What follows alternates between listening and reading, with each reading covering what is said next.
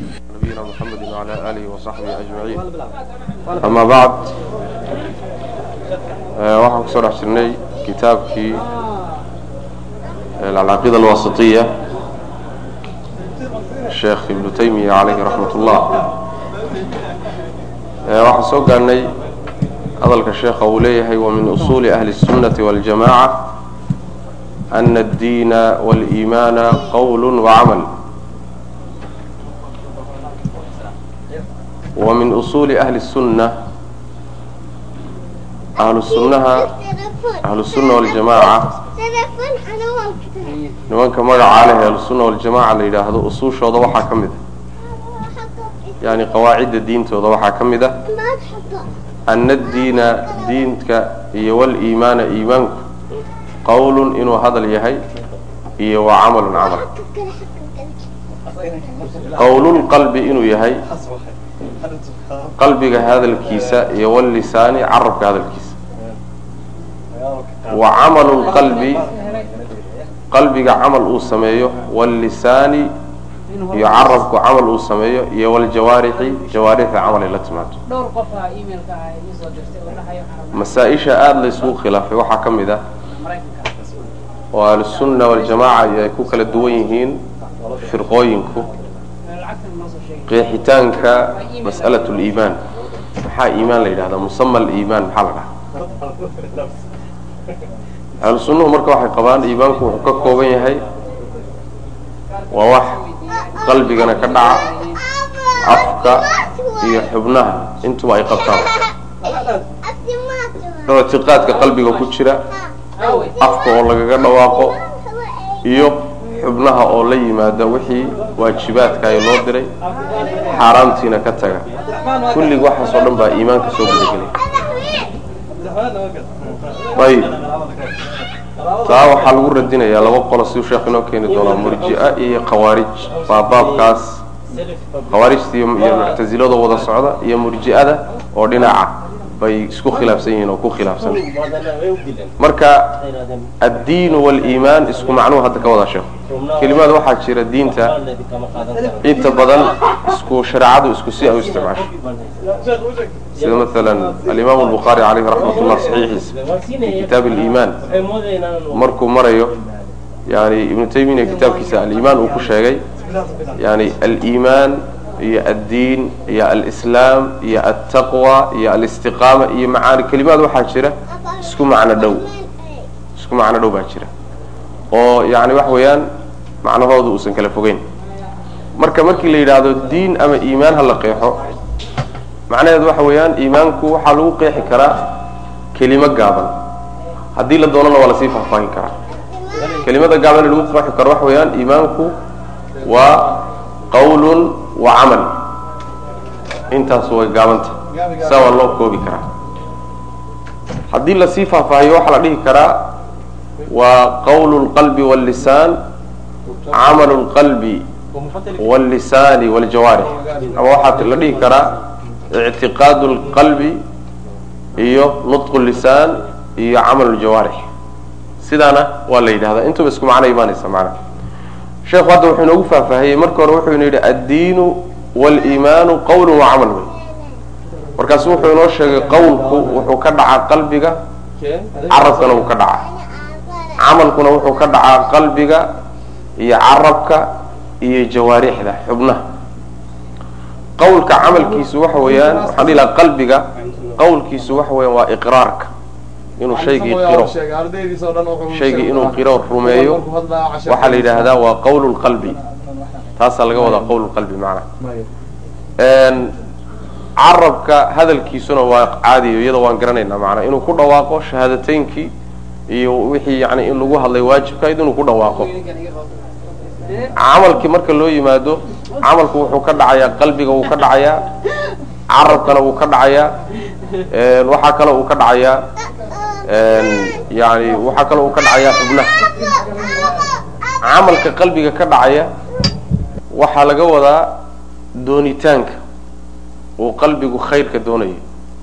Waxaa laga wadaa ikhlaaskii inuu waxaan ilahay dartii u samaynayo waa camalulqalbi wey waxaa ka mid a maalan tala saarashadii ilahi subxana wa tacaala qalbigay ka dhacdaa waa camalu lqalbi waay waxaa ka mid a maalan xub llahi tabaaraka wa tacala jacaylkiisa ilahay jacaylkiisa waa camalu lqalbi waay yani maalan rajada in ilahay waxa agtiisa la rajeeyo qalbigay ka dhacda waa camalu lqalbi waay marka yani qawlu lqalbina muxuu ahaa waa qiritaankaan nidhi. Inaad qirto ilahay jiritaankii subxaana wa tacaala xaqa inaad qirto rumayso. Intaasi waa qawlkiisa qalbiga qawlka ka dhaca way qalbiga ficilkiisa marka la tilmaamana intaa waa ka siyaadsan tahayo waa acmaasha a maalan xubbigii waa tawakulkii waa rajihii waa khawfkii waa iraadadii. Kuwaasaa waxaa la yidhaahdaa waa camalu lqalbi ayib camalka waxaa kaloo uu ka dhacban lisaanka carabka. Carabka camalka ka dhacaya sheekhu wuxuu yihi sheekh ibnu cuthaymin caleyh raxmat ullah oo kitaabka sharxay wuxuu leeyahay qawlu lqalbi iyo camalu lisaan in farqi loo sameeyo waxoogaa sucuubaa ku jirta.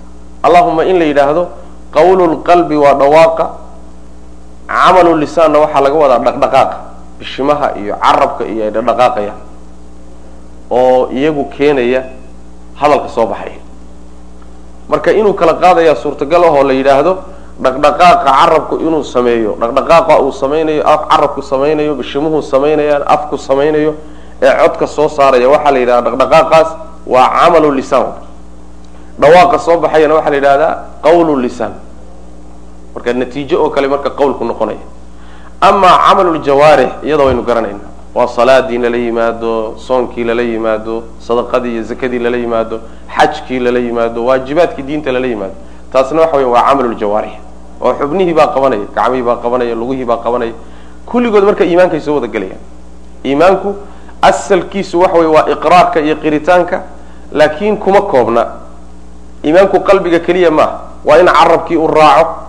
Waa in xubnihii ay raacaan oo iyagana la yimaadaan wixii looga baahnaa markaasaa iimaanku macnaha kulligood saasay ku soo gudagelayaan oo iimaanku khaas kuma aha qalbiga keliya gooni kuma aha. Saas way maanaa ahlusuna waljamaca marka yani waxay ka mid tahay mabaadidooda.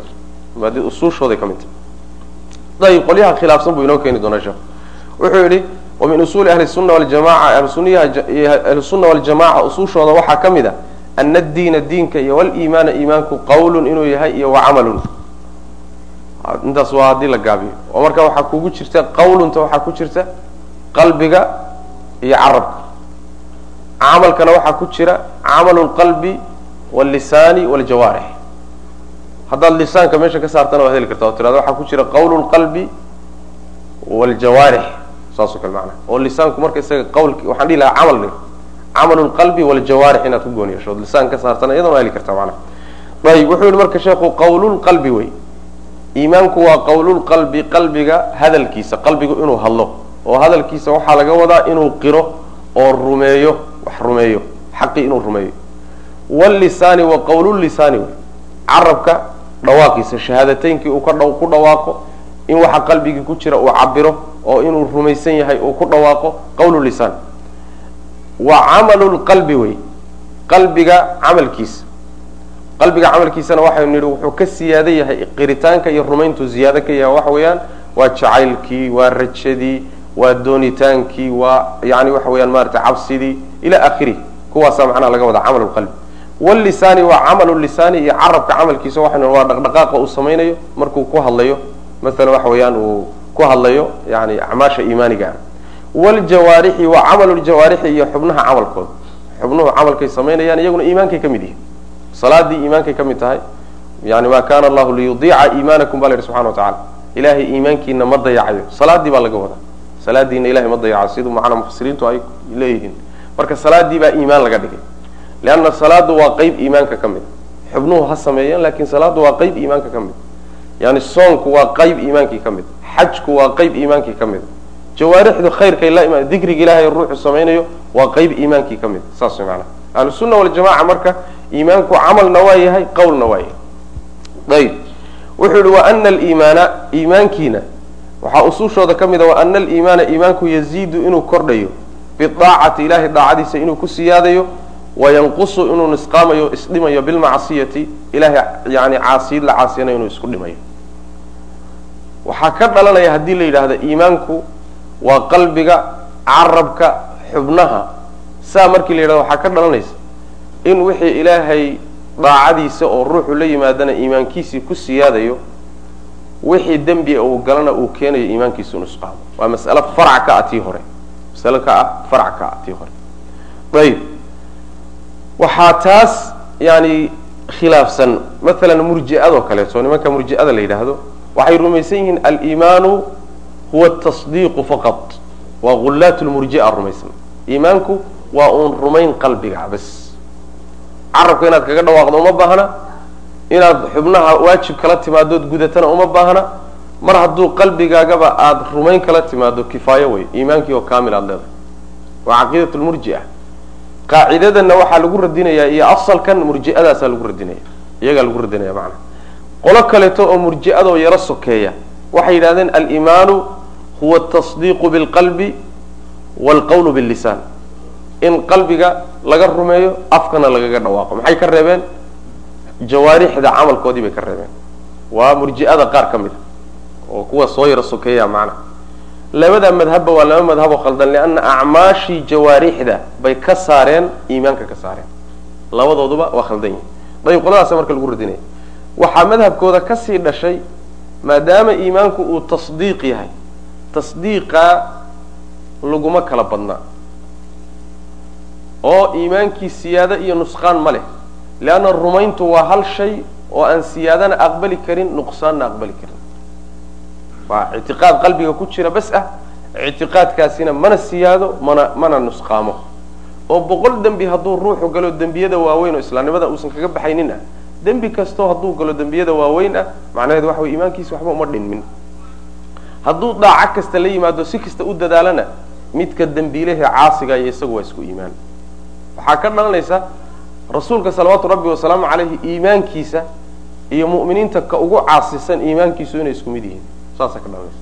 Leanna iimaankiiba mar hadduusan dembigu waxba u dhimaynin waxaa yani dadku inay iimaankooda wada kaamil yahay baa ka dhalanaya waa caqiide marka faasida waa caqiide faasida ahlusunna waljamaca maadaama ay qabaan iimaanku inuu qalbiga carabka xubnaha intaba ka dhaco oo kulli soo hoosgelayaan waa isdhimayaa wixii macsiya iimaankay dhaawacaysaa wixii khayr ee uu dhaacay ruuxu la yimaadana iimaankiisii bay siyaadinaysaa kordhinaysaa macnaha. Sidaas weyaan ayib wa ana aliimaana iimaanku yaziidu inuu kordhayo ayay ahlusunna waljamaca qabaan.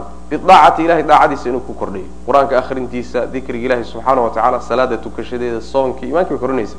Wayanqusu wuu nusqaamaya iimaankii bilmacsiyati ilahay macsiyadiisana waa ku nusqaamaya waa isdhimaya. Wahum maca dalika wahum ahlu sunnuhu maca dalika yani taa la jirankeeda taa jirankeeda ayagoo taa qaba waa tee inuu iimaanku ka kooban yahay arrimaha la soo sheegay. Ayagoo taa qaba bayna haddana laa yukafiruuna ma gaalaysiinayaan ahla alqiblati dadka qiblada u jeedsada qiblada dadka qiblada ma gaalaysiinayaan. Ahlulqibladu waa muslimiinta oo qiblada u sii jeedsada kuma gaalaysiin laa yukafiruuna ma gaalaysiiyaan ahla alqiblati qiblada dadkeeda ma gaalaysiiyaan waa muslimiinte bimuطlaqi lmacaasi macaasida iyo walkabaa'iri dunuubta. Kamaa yafcaluhu siday samaynayaan alkhawaariju khawaarijtu siday samaysa o kaleeto. Muطlaqu lmacaasi waxa uu ka wadaa bimacnaa aslu lmacaasi saas mana macaasida asalkeeda. Ama waxaad tidhaahdaa macsiyo oo dhan. Macsiyo oo dhan kuma gaalaysiiyaan dadka iyo dembiyada waaweyn. Laakiin dembiga ay ku gaalaysiinayaan oo dadka ay islaamnimada kaga saarayaan waa dembi qur'aankii iyo sunnadu ay sheegeen inuu ruuxan uu diinta kaga baxayo. Laakiin mujarad dembi weyn buu galay dadku ruux hadduu marka hore muslim ahaa iimaanka iyo islaamnimada kagama saaraan. Macnaheedu waxa weeye khawaarijtay tanna kaga gedisan yihiin ahlusunna waljamaca waxay qabaan acmaasha xubnuhu qabanayaan iyo carabka dhawaaqiisu inay iimaankii ka mid yihiin. Haddana xubnihii hadday khalad galaan ama carabkii uu khalad ka soo fulo oo dembi weyn ah iimaankii oo dhan uma dhammaynayaan. Iimaankii oo dhan ma baabi'in oo ruuxii ma gaaloobin. Taa waxay kaga gedisan yihiin khawaarijta. Khawaarijtu waxay qabaan iyo muctasiladu labaduba iimaanku inuu yahay qawlu lqalbi waxaan dhihi lahaa yani waxa weeyaan ictiqaadu lqalbi qawlu lisaan iyo camalu ljawaarix ahlu sunnahay halkaa kala mid yihiin. Ahlu sunnaha waxay kala mid yihiin waa ictiqaadka qalbiga afkoo lagaga dhawaaqo xubnahoo lagala yimaado iimaanku waa ka. Laakiin iyagu waxay qabaan mas'alo walba khalad walba oo ruuxu galo oo dembi weyn noqon kara in islaamnimadii lagaga baxayo halkaa way meesha ku khaldan yihiin khawaarijta iyo iyo muctaziladu. Oo ahlu sunnaha kaga gedisan yihiin ahlu sunnuhuna waxay qabaan ma ahee dunuubta waaweyne gaalnimada aan gaadhsiisnayn ma keenaan gaalnimo. Ruuxii kaga bixi maayo matalan zinuu la yimid ruux muslim u dilay isagoon xalaashanaynin matalan waxa way maaratay ila akhiri khaladaadka noocaas oo kale ah gaalnimo ma keenaanoo ruuxii islaamnimada kaga bixi maayo hadduusan xalaashanin xalaashigu waa meesheeda. Laakiin wuu ku dhacay isagoo inuu khalad yahay. Inuu dembi galayo isagoo og buu dembigii galay. Kaga bixi maayo yani waxa way iimaan kaga bixi maayo. Saas daraaddeed buu sheekhu wuxuu yihi laa yukafiruuna ahla alqiblati bimutlaqi lmacaasi sidanaa ka fiican. Hadalka yani abu jacfar ataxaawi kitaabkiisa daxaawiyada uu yidhi yani ma gaalaysiiyaan dunuubta dadka kuma gaalaysiiyaan. Waxaa ka fiican hadalkan ibnu taymiya uu leeyahay kuma gaalaysiiyaan bimutlaqi lmacaasi maxaa yeelay dunuub baa jirta ahlu waljamaca hadduu ruuxu galo ay ku gaalaysiiyaan laakiin dunuub oo dhan kuma gaalaysiiyaan. Waka. Mutlaqu lmacaasi macnaheed waxa weye dunuub oo dhan kuma gaalaysiiyaan. Dunuub qaarkeed waxaa jira ay ku gaalaysiiyaan oo dembiyada kitaabka iyo sunnadu ay kutuseen ruux hadduu galo inuu ku gaaloobayo taa waa ku gaalaysiinayaan iyada laakiin dembi kasta hadduu galo oo dembi weyn ah kuma gaaloobayo waana middaa midda ay ku kala gedsan yihiin khawaarijta iyo ahlu sunna waljamaca laa yukafiruuna ma gaalaysiinayaan ahla alqiblati ma gaalaysiinayaan bimutlaqi lmacaasi dembiyada oo dhan walkabaa'iri iyo kuwa waaweyn. Macaasida kuwa yaryar iska dheh walkabaa'ir iyo kuwa waaweyn. Kamaa yafcaluhu siday samaynayaan alkhawaariju bal iska badaa inay ku gaalaysiiyaane alukhuwatu liimaaniya walaaltinimada iimaanku haabitatun mid sugan weeye maca almacaasi dembiyada la jirankooda. Ayadoo ruuxii uu dembi galay weyn baa haddana iimaankii loo sugay. Walaaltinimo wixii ka dhalanayay iimaanka oo walaaltinimadii ka dhexaysay isagiyo mu'miniintana weliba loo sugay. Isagoo dembi weyn haddana galay. Saas way macanaha kamaa qaala siduu yidhi subxaanahu nasahnaantiisa alla uu yidhi subxaana wa tacaala faman cafaa ciddii cafida.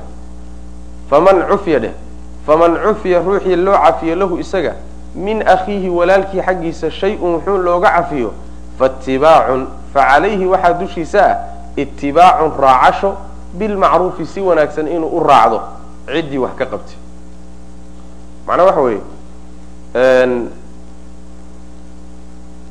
waxay ahayd ruu aayaddii ku soo aroortay dadka isdila hadduu ruuxu ruux muslima dilo oo isagoo muslima ama mu'mina uu ruux mu'mina dilo ruuxii mu'minka ahaa ee dilayna qisaas lagu leeyahay kii wax dilay baa xaq loogu leeyahy in la qisaasto. Dilkii baa laga cafiyey walaalkiisii uu dilay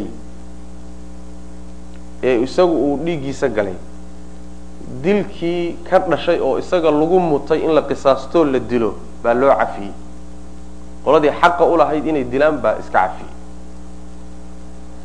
qoladan marka wax cafiyey waxaa la rabaa qoladii inay dadkii dhiigga ay ku lahaayeen oo ninkii wax dilay ah in ay u raadsadaan si wanaagsan ugu raadsadaan wixii diyadii iyo magtii ah. Taa maaha marka hadda ta laga hadlaya taas waa ayadda macneeda laakiin waxaa laga hadlayaa kii dilay iyo kii la dilay baa iyagoo dilku dhacay baa haddana waxaa la yidhi waa walaalo. Masaladu waa taa. Dilku waa min kabaa'ir dunuub dembiyada waaweyn buu ka mid yahay ilahi laga gala subxana wa tacala buu ka mid yahay haddana maca dalika ninkii dilka galay ee walaalkii kas u dilay gaalni gaal lagama dhigin oo islaamnimada lagama saarin. Bal waxaa la yidhi kuu dilay bay walaalo yihiin. Faman cufiya ruuxii la cafiya lahu isaga min akhiihi walaalkiisii uu dilay shay-un wuxun looga cafiyo. Qisaastii baa laga cafiyey yani waxa weeye diyadii baa wax laga cafiyey faitibaacun bimacruuf. Kaa cafiyey ayaa waxaa laga doonayaa kii uu cafiyey maya kii yani waxa weeye kii kii wax cafiyey baa laga doonayaa in yani wixii uu yani maxaa yahay bilmacruuf waa adaaun biixsaan soo mahay ha. Kan dembiga galay ee dilka sameynaya waxaa la rabaa wixii diyad ahayd iyo magtii inuu si fiican u guto. Kan wax laga galay ee wax laga dilayna ee cafiga sameeyeyna waxaa laga doonayaa faitibaacun bilmacruuf inuu wixii u laabnaa oo magtii ah uu si fiican u raadsado macruufka iyo si shareecadu ay ogoshahay oo wanaagsan inuu wax u doonto. Wixii ka maqnaa macnaha saas weeyaan. Marka yani labadii isdishay oo haddana walaalaa wey. Haddii uu gaaloobi lahaa walaalo mayna ahaadeen. Taa markhaati waxay u tahay ruuxii oo dembi weyn galay haddana inuu mu'min yahay laakiin haddana iimaankiisu kaamil ma aho dembigaa uu galay baa iimaankiisii dhaawacay oo iimaankiisu waa naaqis. Saas wey macnaha aayaddaas marka waxay kutusaysaa dembiyada waaweyn inaysan gaalnimo keenaynin oo yani dunuubta shirkiga iyo aan ahayn oo ku cad yani gaalnimada ku cad laakiin dunuubta waaweynee aan qur'aanka iyo sunnadu sheegin in lagu gaaloobayo kuwaasi ruuxu inuu galo bimujarad uu galo inuusan ku gaaloobaynin ayaa macnaha wax weeyaan aayaddu muujinaysa. Wa qaala rabbi wuxuu ihi subxana wa tacaala wain طaa'ifataani haddii laba kooxood oo min almu'miniina mu'miniinta ka midi iqtataluu ay islaayaan faaslixuu hagaajiya baynahumaa dhexdooda heshiisiiya fain bagad hadday gardarsato ixdaahumaa midood cala alukhraa midda kale ay ku gardarsato faqaatiluu la dagaalama muslimiinta intoodii kale faqaatiluu la dagaalama allatii midda tabgii gardarsanaysa. Xataa tafii'a ilaa ay laabato ilaa amri illah ilaa amarka ilahay u soo laabato xukumka sharciga u soo noqoto. Fain faa'at hadday soo noqoto marka oy khaladkii ka soo laabato iyo madax adaygii faaslixuu hagaajiya baynahumaa dhexdooda heshiisiiya bilcadli cadaalad ku heshiisiiya yani middan madax adagtee waxoogaa idinku adkaatay eed la wada dagaalanteene soo noqotay. Ha ka hiilinina way macnaha. Bimujarad way madax adkaatay ha uga hiilinine cadaalada laazima. Faaslixuu baynahuma bilcadli waaqsituu cadaalad sameeya. Maxaa yele ina allaha alle yuxibu wuxuu jecelaya almuqsitiina kuwa cadaalada sameeya. Xaggee ayadan laga daliishanaya? Aayadda waxaa laga daliishanaya wain طaa'ifataani min almu'miniina iqtataluu way islaayeen laba kooxood oo muslimiinta ka mid ah islaayey ayagoo dagaalamaya baa haddana ilaahay iimaan ku tilmaamay inay mu'miniin yihiin. Ruuxa mu'minka la dagaalankiisuna waa dembi weyn. Sibaabu lmuslimi fusuuqun wa qitaaluhu kufrun soo nabigu ma dhigin sal lay slam ruuxa mu'minka caydiisu waa faasiqnimo. La dagaalankiisuna waa kufri. Waa kufri kufrigaasi marka lagama wado hadduusan xalaashanin lagama wado kii diinta lagaga baxayo kufrun diino kufrin midkay salafku yidhahdaan marka waa dembi weyn walaa shaka fi dalik qur'aankuna waa sheegay xadiista nabiguna waa sheegtay sal lay slam la dagaalanka ruuxa muslimka lala dagaalamo. Ayadoo taasi ay jirto haddana labadii isdagaalayay baa ilaahay wuxuu yidhi waa mu'miniin labaduba. Iyagoo dembi weyn samaynayaba haddana iimaankii loo sugay. Taa macnaheedu waxa weeyaan dembigii weynaa ee dagaalanka ahayd ay dagaalamayeen iimaankii iyo islaamnimadii kama saarine bimujarad waa dad uun macnaha dembi ku dhacay. Waa dad dembi ku dhacay. Taasay marka aayaddu sugaysaa. Sida aayaddii hore ayay la macno tahay oo wasfigii iimaanka iyo magacii iimaanka ma ayna waayin oo mayna ku waayin yani waxa weeyaan maaragtay dembiga ay galeen. Ayib. Alla wuxuu ka dambeysay subxaana wa tacaala inama almu'minuuna ikhwa. Inama almu'minuuna mu'miniinta unbaa ikhwatun walaala ah. Iyaga unbaa walaaltinimadu dhabtii ila macnaha ka dhexaysa ee fa aslixuu hagaajiya bayna akhawaykum labadiina walaal dhexdooda hagaajiya.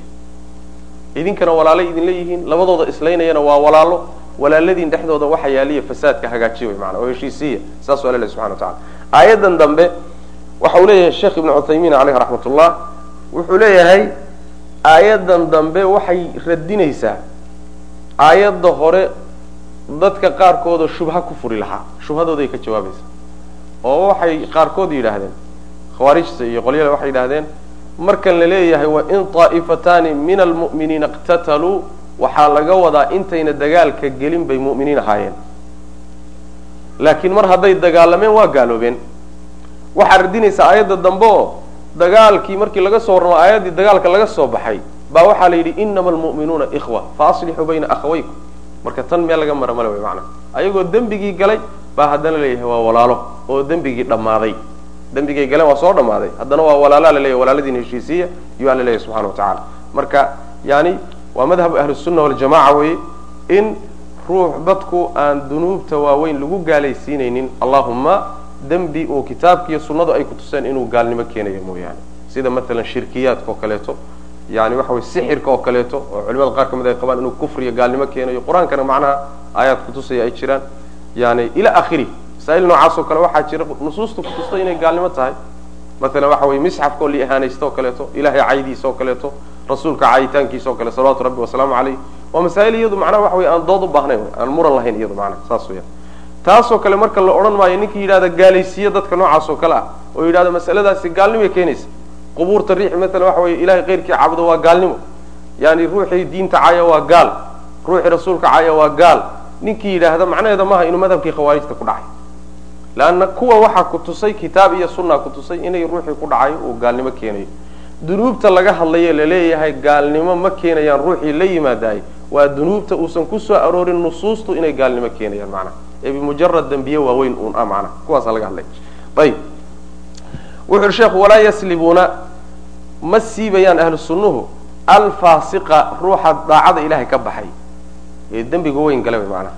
Almilliyi alfaasiqa almilliya dheh almilliya faasiqa diinta loo aaneeyey. Yani alladii yantasib ila almilla waay. Faasiqa diinta u nisbo sheeganaya oo islaamnimada sheeganaya iimaanka sheeganaya laga kama siibaan ahlu sunnuhu islaamnimada kama siibaan bilkulliyati duuduub ahaan ugama wada siibaan islaamka oo dhan kama siibaan. Ayib. Walaa yukhalliduunahu kumana waariyaan fi naari naartana kuma waariyaan. Kamaa taquluhu sida ay leedahay almuctazilatu muctaziladu say leedahay.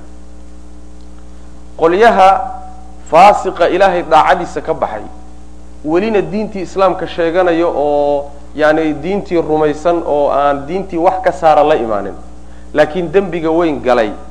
Diintiina u nisbo sheeganaya qolyaha ka saara diintoo gaalaysiiya waa khawaarijta. Casrigii hore magacaasay wateen laakiin gadaal dambe waxay qaateen magacan ah altakfir walhijra. Magacaasay hadda leeyihiin oo ay wataan macna xambaarsan yihiin laakin mabaadidu waa mabaadidii magacyaha isbedelaya macno weyn ma mabaadidu waa mabaadidii macnaha ayib. Marka ruuxa diinta yani muslimka ah ee faasiqa noqday ee dembiga weyn galay kulli ahaan iyo si dhammaystiran ugama saarayaan iimaanka ugama saarayaan ugama siibayaan. Taasi waa mid khawaarijtaasaa yeesha. Oo ruuxii zinaysta agtooda gaal buu ka yahay ruuxii ruuxi dila agtooda gaal buu ka yahay ruuxii ribo qaata agtooda gaal buu ka yahay. Wahaakada ruuxii dembi weyn galaba agtooda gaal buu ka yahay. Ruuxii kish sameeya gaal buu ka yahay. Ruux muslima ruuxii caaya gaal buu ka yahay. Ruuxii waxantaay gaal buu agtooda ka yahay. Hada madhab alkhawaarij adduunka agtooda gaal buu ka yahay. Aakharana cadaabka inuu ku waarayay rumaysan yahi sidaa waxaa ka gedisan muctazilada muctaziladu khawaarijta waxay la waafaqsan tahay markii masaladan la joogo. Waxay la waafaqsan yihiin aakharo horta inuu cadaabka ku waarayo way la waafaqsan yihiin. Laakiin adduunka magaca loo bixinaya kaga gedisan yihiin khawaarijtu waxay dhahan waa kafir soo ma? Muctazilada waxay dhahan kafir yaynaan dhihine aan dhahno adduunka intuu joogo waa manzila bayna almanzilatayn meeshay la kala bixin halkaa yani boos udhaxeeya weeye iimaankii iyo gaalnimadii. Adduunka magaca aan u bixino aakharana waxaan idinla waafaqsannahay inuu cadaabka ku waarayo oon marnaba laga saarayn marka iyagiiyo khawaarijta waxaa udhexeeya un magac bas wax weyn uma dhexeeyo saas way maana magaca adduunyada loo bixinayo iyo qaabka loola tacaamulayo macana walaa yukhalliduunahu kuma waarinayaan oo inuu ku waaro ku xukumi maayaan fi naari naarta inuu ku xukumo yani inuu ku waarayo ma xukumayaan kama taqulu say leedahay almuctazilatu bal iska badaa inay arrinkaa xukumaane alfaasiqu ruuxa faasiqii yadkhulu wuxuu gelayaa fi smi liimaani iimaanka magaciisuu dhex gelayaa magaca iimaanka almutlaqi ee macnaha waxa weeyaan la sii daayey almutlaq. Yani wuxuu leeyahay sheekh ibn cuthaymiin aliimaan lmutlaq iyo mutlaqu liimaan baa kala jira. Haddii la yidhahdo mutlaqu shay iyo ashay lmutlaq luqada farqi baa udhexeeya mutlaqu shay haddii lagu yidhahdo mutlaqu shay. Waxaa laga wadaa shaygan asalkiisa. Shaygan asalkiisa ama shaygan qayb ka mid a mutlaqu shay baa la yidhahda ashay lmutlaq haddii la yidhahdana waa shay dhammaystiran. Saas maanaa haddii lagu yidhahdo maalan hadda mutlaqu lmasjid wax uun masjid la odhan karo wey. Wax uun masjid magacii qaadan kara. Baa mutlaq lmasjid la yidhahda laakin almasjid lmutlaq marka la yidhahdo waa masjid mutakaamil ah. Waxba ka dhimanay. Saas maanaa haddii la yidhaahdo aliimaan lmutlaq maxaa laga wadaa? Waa iimaankii kaamilka ahaa wey. Haddiise la yidhaahdo mutlaqu liimaan waa iimaankii qaarkii. Aslu liimaan muusan ka bixin wey maanaa aslu liimaan ma waayin. Saas way macnaha qayb ka mida ma waayin. Kulligii kama wada bixin saasaa laga wada saas daraaddeed halkan tacbiirkan ah bal ilfaasiqu yadkhulu wuxuu gelayaa fi smi liimaani iimaanka magaciisii buu gela hoos gelayaa. Almutlaqi ee dhammayska tirnaa macnuhu saas lagama wado. Waxaa fiicnayd buu ley in la yidhaahdo say ku fiicnayd bal ilfaasiqu yadkhulu fii mutlaqi liimaan saasuu ku ficnay fii mutlaqi liimaan buu ku ficnaayo waxa maxaa yeelay iimaankii dhammaystirnaa faasiqa laguma tilmaami karee laakiin iimaankii un qaarkii buu haystaa wy maana asluliimaan buu haystaa saasay marka ku fiicnayd buu leeyahay ficlan waana saas ayib bal ilfaasiqu yadkhulu wuxuu gelayaa fi smi liimaani iimaanka yani magaciisu hoos gelayaa oo mu'min waa la dhihi way macnaha almutlaqi iimaanka asalkiisii wey maanaa iimaankii qaar ka mida wuu wataa oo faasiqu iimaankii kama bixin bilkuliya laakiin qaar ka mida waa ka haystaa kama kama fii qawlihi sida ilahay qowlkiisa ku sugan fataxriiru raqabatin mumina fataxriiru raqabatin mu'mina dhowr ayadu kuti maalan naftii la dilay ee gafka loo dilay yani markuu ruuxu uu kafaara guud ka bixinayo. Kafaara guudkeeda waxaa ka mid a in uu bixiyo fataxriiru raqabatin mu'mina inuu xoreeyo qoor mu'minad ah. Fataxriiru raqabatin mu'minatin qoorta la xoraynayaay inay mu'mino tahay baa shardi laga dhigay soo maha ayib ma waxaa laga wadaa inay leedahay mutlaqu liimaan mise aliimaan lmutlaq inay leedahay baa laga wadaa ya? Mutlaqu liimaan inay leedahay. Saa marka la yidhaahdo qoorta addoonta faasiqa ah kafaarada ma geli karaa ha? Saas wy maana lianna sharda waxa weeyaan mutlaqu liimaan inuu iimaan wuxun ka leeyahay. Laakiin haddaa haddii la yidhaahdo yani waxaa shardiya inuu leeyahay aliimaan lmutlaq raqaba aan iimaankeedu kaamil ahayn ma gudi kartay noqonaysaa marka yani waxa weyaan maratay kafaaradii ma gudi karto. Saana lagama wado waxaa laga wadaa fataxriiru raqabatin qoor xoraynteed baa dushiisa ah ruuxii dembigaa galay mu'minatin oo iimaan uun leh. Wuxuun iimaan kale asluliimaan leh macnaha walow faasiqadba ha ahaatee macnaha ayib waqad laa yadkhulu inuusan gelin baa laga yaabaa.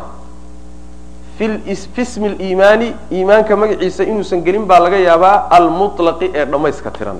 Faasiqii baa weli la wadaa. Faasiqu inuusan gelin iimaanka mutlaqa ah inuusan magaciisa hoos gelinna waa suurtagal. Oo macnaha aan la odhanin waa mu'min iyadoo macnuhu uu yahay iimaankiisu kaamil yahay.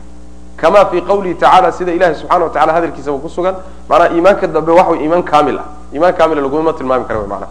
Kama fii qawlihi tacala sida ku sugan inama almu'minuuna aladina ida dukira allahu wajilat quluubuhum waida tuliyat calayhim aayaatu zaadatum iimaana. Inama almu'minuuna mu'miniintu un waxa weeye cid kale ma aha muminiintu. Mu'miniintu waa uun. Inamadaasa xasri faa'idaynaysa inama almu'minuuna mu'miniintu aladiina kuwa un weeye. Idaa dukira allahu haddii ilaahay la xuso wajilat ay cabsanayso quluubuhum quluubtooda. Waidaa tuliyat markii la akriyo calayhim dushooda aayaatu aayaadkiisuna zaadatum ay u kordhinayso iimaanan iimaan ay u kordhinayso. Mu'miniin kuwaa unbaa ah.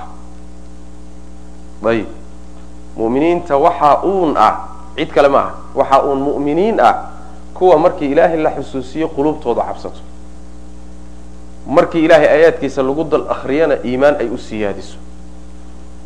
Ayib dinka markii ilaahay la xusuusiyo uusan qalbigiisu cabsanin aayaadka ilaahayna markii lagu dul akriyana ayna iimaan u siyaadinin ma gaal ba? Maya. Laakiin maxaan odhanaynaa waa mu'min laakiin aan faasiqa ama naaqisu liimaan ah. Aayaddani marka mu'minkay tilmaamayso waa kee? Waa midkii iimaankiisu kaamilka aha way macnaha saas. Almu'min alkamil liimaan way. Ama almu'min almawsuuf biliimaani lmutlaq kaasay aayaddani tilmaamaysa. Kii kalay saaraysaa marka? Ka kala saaritaankay saartay ma aha inay leedahay wuu gaaloobay. Iimaankii kaamilka ahaa buusan lahaynoo sifadan mar hadduusan lahayn iimaankii kaamilka laguma tilmaami kara wy maanaha saas weeyaan. Ayib. Waida tuliyat calayhim aayaatu zaadat iimaana. Wa qawluhu nabiga odhahdi sal lay waslam ayaa ka mid a wa qawlihi wa kama fii qawlihi siduu nabigu yidhi sal lay waslam laa yazni zani laa yazni ma zinaysto. Azani midka zinaysanaya xiina goorta yazni uu zinaysanayo walxaal huwa isagoo mu'minun u yahay mid iimaan leh. Markuu zinaysanayo isagoo iimaan leh ma zinaysto walaa yasriqu ma xado assaariqu midka waxadaya xiina goorta yasriqu uu xadayaa walxaal huwa mu'minun uu iimaan leeyahy markuu wax xadayo xatooyada ma sameeyo isagoo iimaan leh. Ayib walaa yashrabu ma cabo alkhamra khamrada ma cabo xiina goorta yashrabuha uu cabayo wa huwa mu'minun isagoo iimaan leh. Walaa yantahibu ma boobo. Nuhbatan boobid daata sharafin oo qiimo u saaxiib ah yaani wax la boobo oo sharaf leh. Taasoo yarfacu ay u kor yeelayaan annaasu dadku ilayhi nuhbada xaggeeda fiihaa dhexdeeda ama ilayhi xaggiisa. Taasoo yarfacu annaasu ilayhi fiiha absaaruhum indhahooda ay u kor yeelayaan. Yacni shay qiimo leh oo dadka agtiisa qiimo ka leh oo dadku wada fiirsanayaan oo nin walba u indha taagayo ma boobo oo dadka dhexdooda kalama dhex baxo. Xiina yantahibuhaa markuu boobayo wahuwa mumin isagoo iimaan leh. Saa ma yeelo isagoo iimaan le way maanaa markuu boobayo ma boobo isagoo iimaan leh. Maalan shay qiimo leh lacag maalan raashin oo kaleeto baa meesha yaalla. Dad buu ka dhexeeya. Dad buu ka dhexeeya. Intuu soo boodo oo dadkii uga soo hormaro ma dhufsado oo ma boobo ayadoo dadkii wada fiirinayaan oo nin walba u baahan yahay. Markuu yani isagoo iimaan leh saa ma sameeyo. Isagoo iimaan leh saa ma sameeyo maanaa ayib walaa yantahibu ma boobo nuhbatan boobid oo daata sharafin qiimo u saaxiib ah. Yarfacu nnaasu ilayhi xaggiisa ay u koryeelayaan fiihaa yani waxa weeye nuhbada dhexdeeda. Yarfacu xaalo ay u koryeelayaan annaasu dadku dheh ilayhi ninkaa xaggiisa waa ninkii boobmada sameeyey. Fiihaa nuhbada dhexdeeda iyo boobka dhexdiisa absaaruhum indhahooda ay u koryeelayaan saa ma yeelo xiina yantahibuhaa markuu boobayo walxaal huwa mu'minu isagoo iimaan leh. Macnaheedu waxa weeye ruuxu markuu dembiyadaa galayo xaaladaa uu dembigaa ku jiro mu'min isagoo ama sameeyo. Saas maanaa xaaladda uu dembiga ku jiro. Zinada markuu ku jiro xaaladaa iyadaa iimaan baa loo diiday. Xaaladda uu tuugnimada ku jiro waxadayo iimaankii baa laga anfiyey. Xaaladda uu khamrada cabayo iimaankii baa laga anfiyey. Xaaladda uu wax boobayo oo boobka noocaasa uu samaynayo iimaankii baa laga anfiyey. Ayib. Taa macnaheeda ma inuu gaaloobay ba maya maxaa laga anfinayaa? Iimaankii kaamilka ahaa baa loo diidan yahay. Waxaa laga anfinayaa iimaankii waajibka ah ee kaamilka ahaa. Ma diidana xadiisku inuu iimaan leeyahay laakiin iimaan naaqisa waay waxaa la yidhahdaa sideedaba luqada carabiga magaca magacyada sidoodaba asal ahaan waxaa la siiyaa shayga magacu wuxuu kutusayo kamaalkiisa leh. Iyo asalka magaca iska leh. Saas maana yani alrajul haddii la yidhaahdo asalka rajul magaciisa waxaa iska leh sifaatkii rujuuliyada ninka iska leh oo kamaalkeeda leh baa magaca asal ahaan iska leh. Kuwa kaleeta ee rujuuliyada sifaatkeedii aan si kamaala uhaysaninna magacu yani asal kuma ah saasaa la yidhahda saas daraaddeed aliimaan marka la ilaaqo asal wuxuu ku yahay dadka iimaankoodu kaamilka yahay ma diideyso haddana isla markaa in lagu ilaaqo oo lagu magacaabo dadkii iimaankii asalkiisii leh laakiin aan iimaankii uusan u dhamaystirnayn ma diideyso maanaa saas weya ayib culimadu waxay yidhahdaan sida yani waxa weeyaan ibnu rajab alxambali iyo ibnu xajar iyo xadiiska markay sharxayaan waxay leeyihiin ruuxa waxaa laga wadaa xaaladda uu dembiga ku jiro qalbigiisa waxaa ka baxay ilahay muraaqabadiisa subxana wa tacala iyo cabsidiisii baa qalbigiisa ka baxay iimaanka la tilmaamayana waa ka. Xadiis saxiixa ba jiro aan u imaam axmed ibn musnadka ku soo saaray. Albanina uu sheikh albani aleyh raxmat ullah uu ku saxiixiyey silsilada. Wuxuu leeyahay ruuxa mu'minka markuu dembiga ku jiro iimaankii sidii isaga oo baashi yani baashanta maxaa la yidhahdaa? Dullada madallada oo kale ah. Si isagoo macnaha waxa weeyaan ambareeladoo kale ah buu madaxiisa saa u saarnaanaya.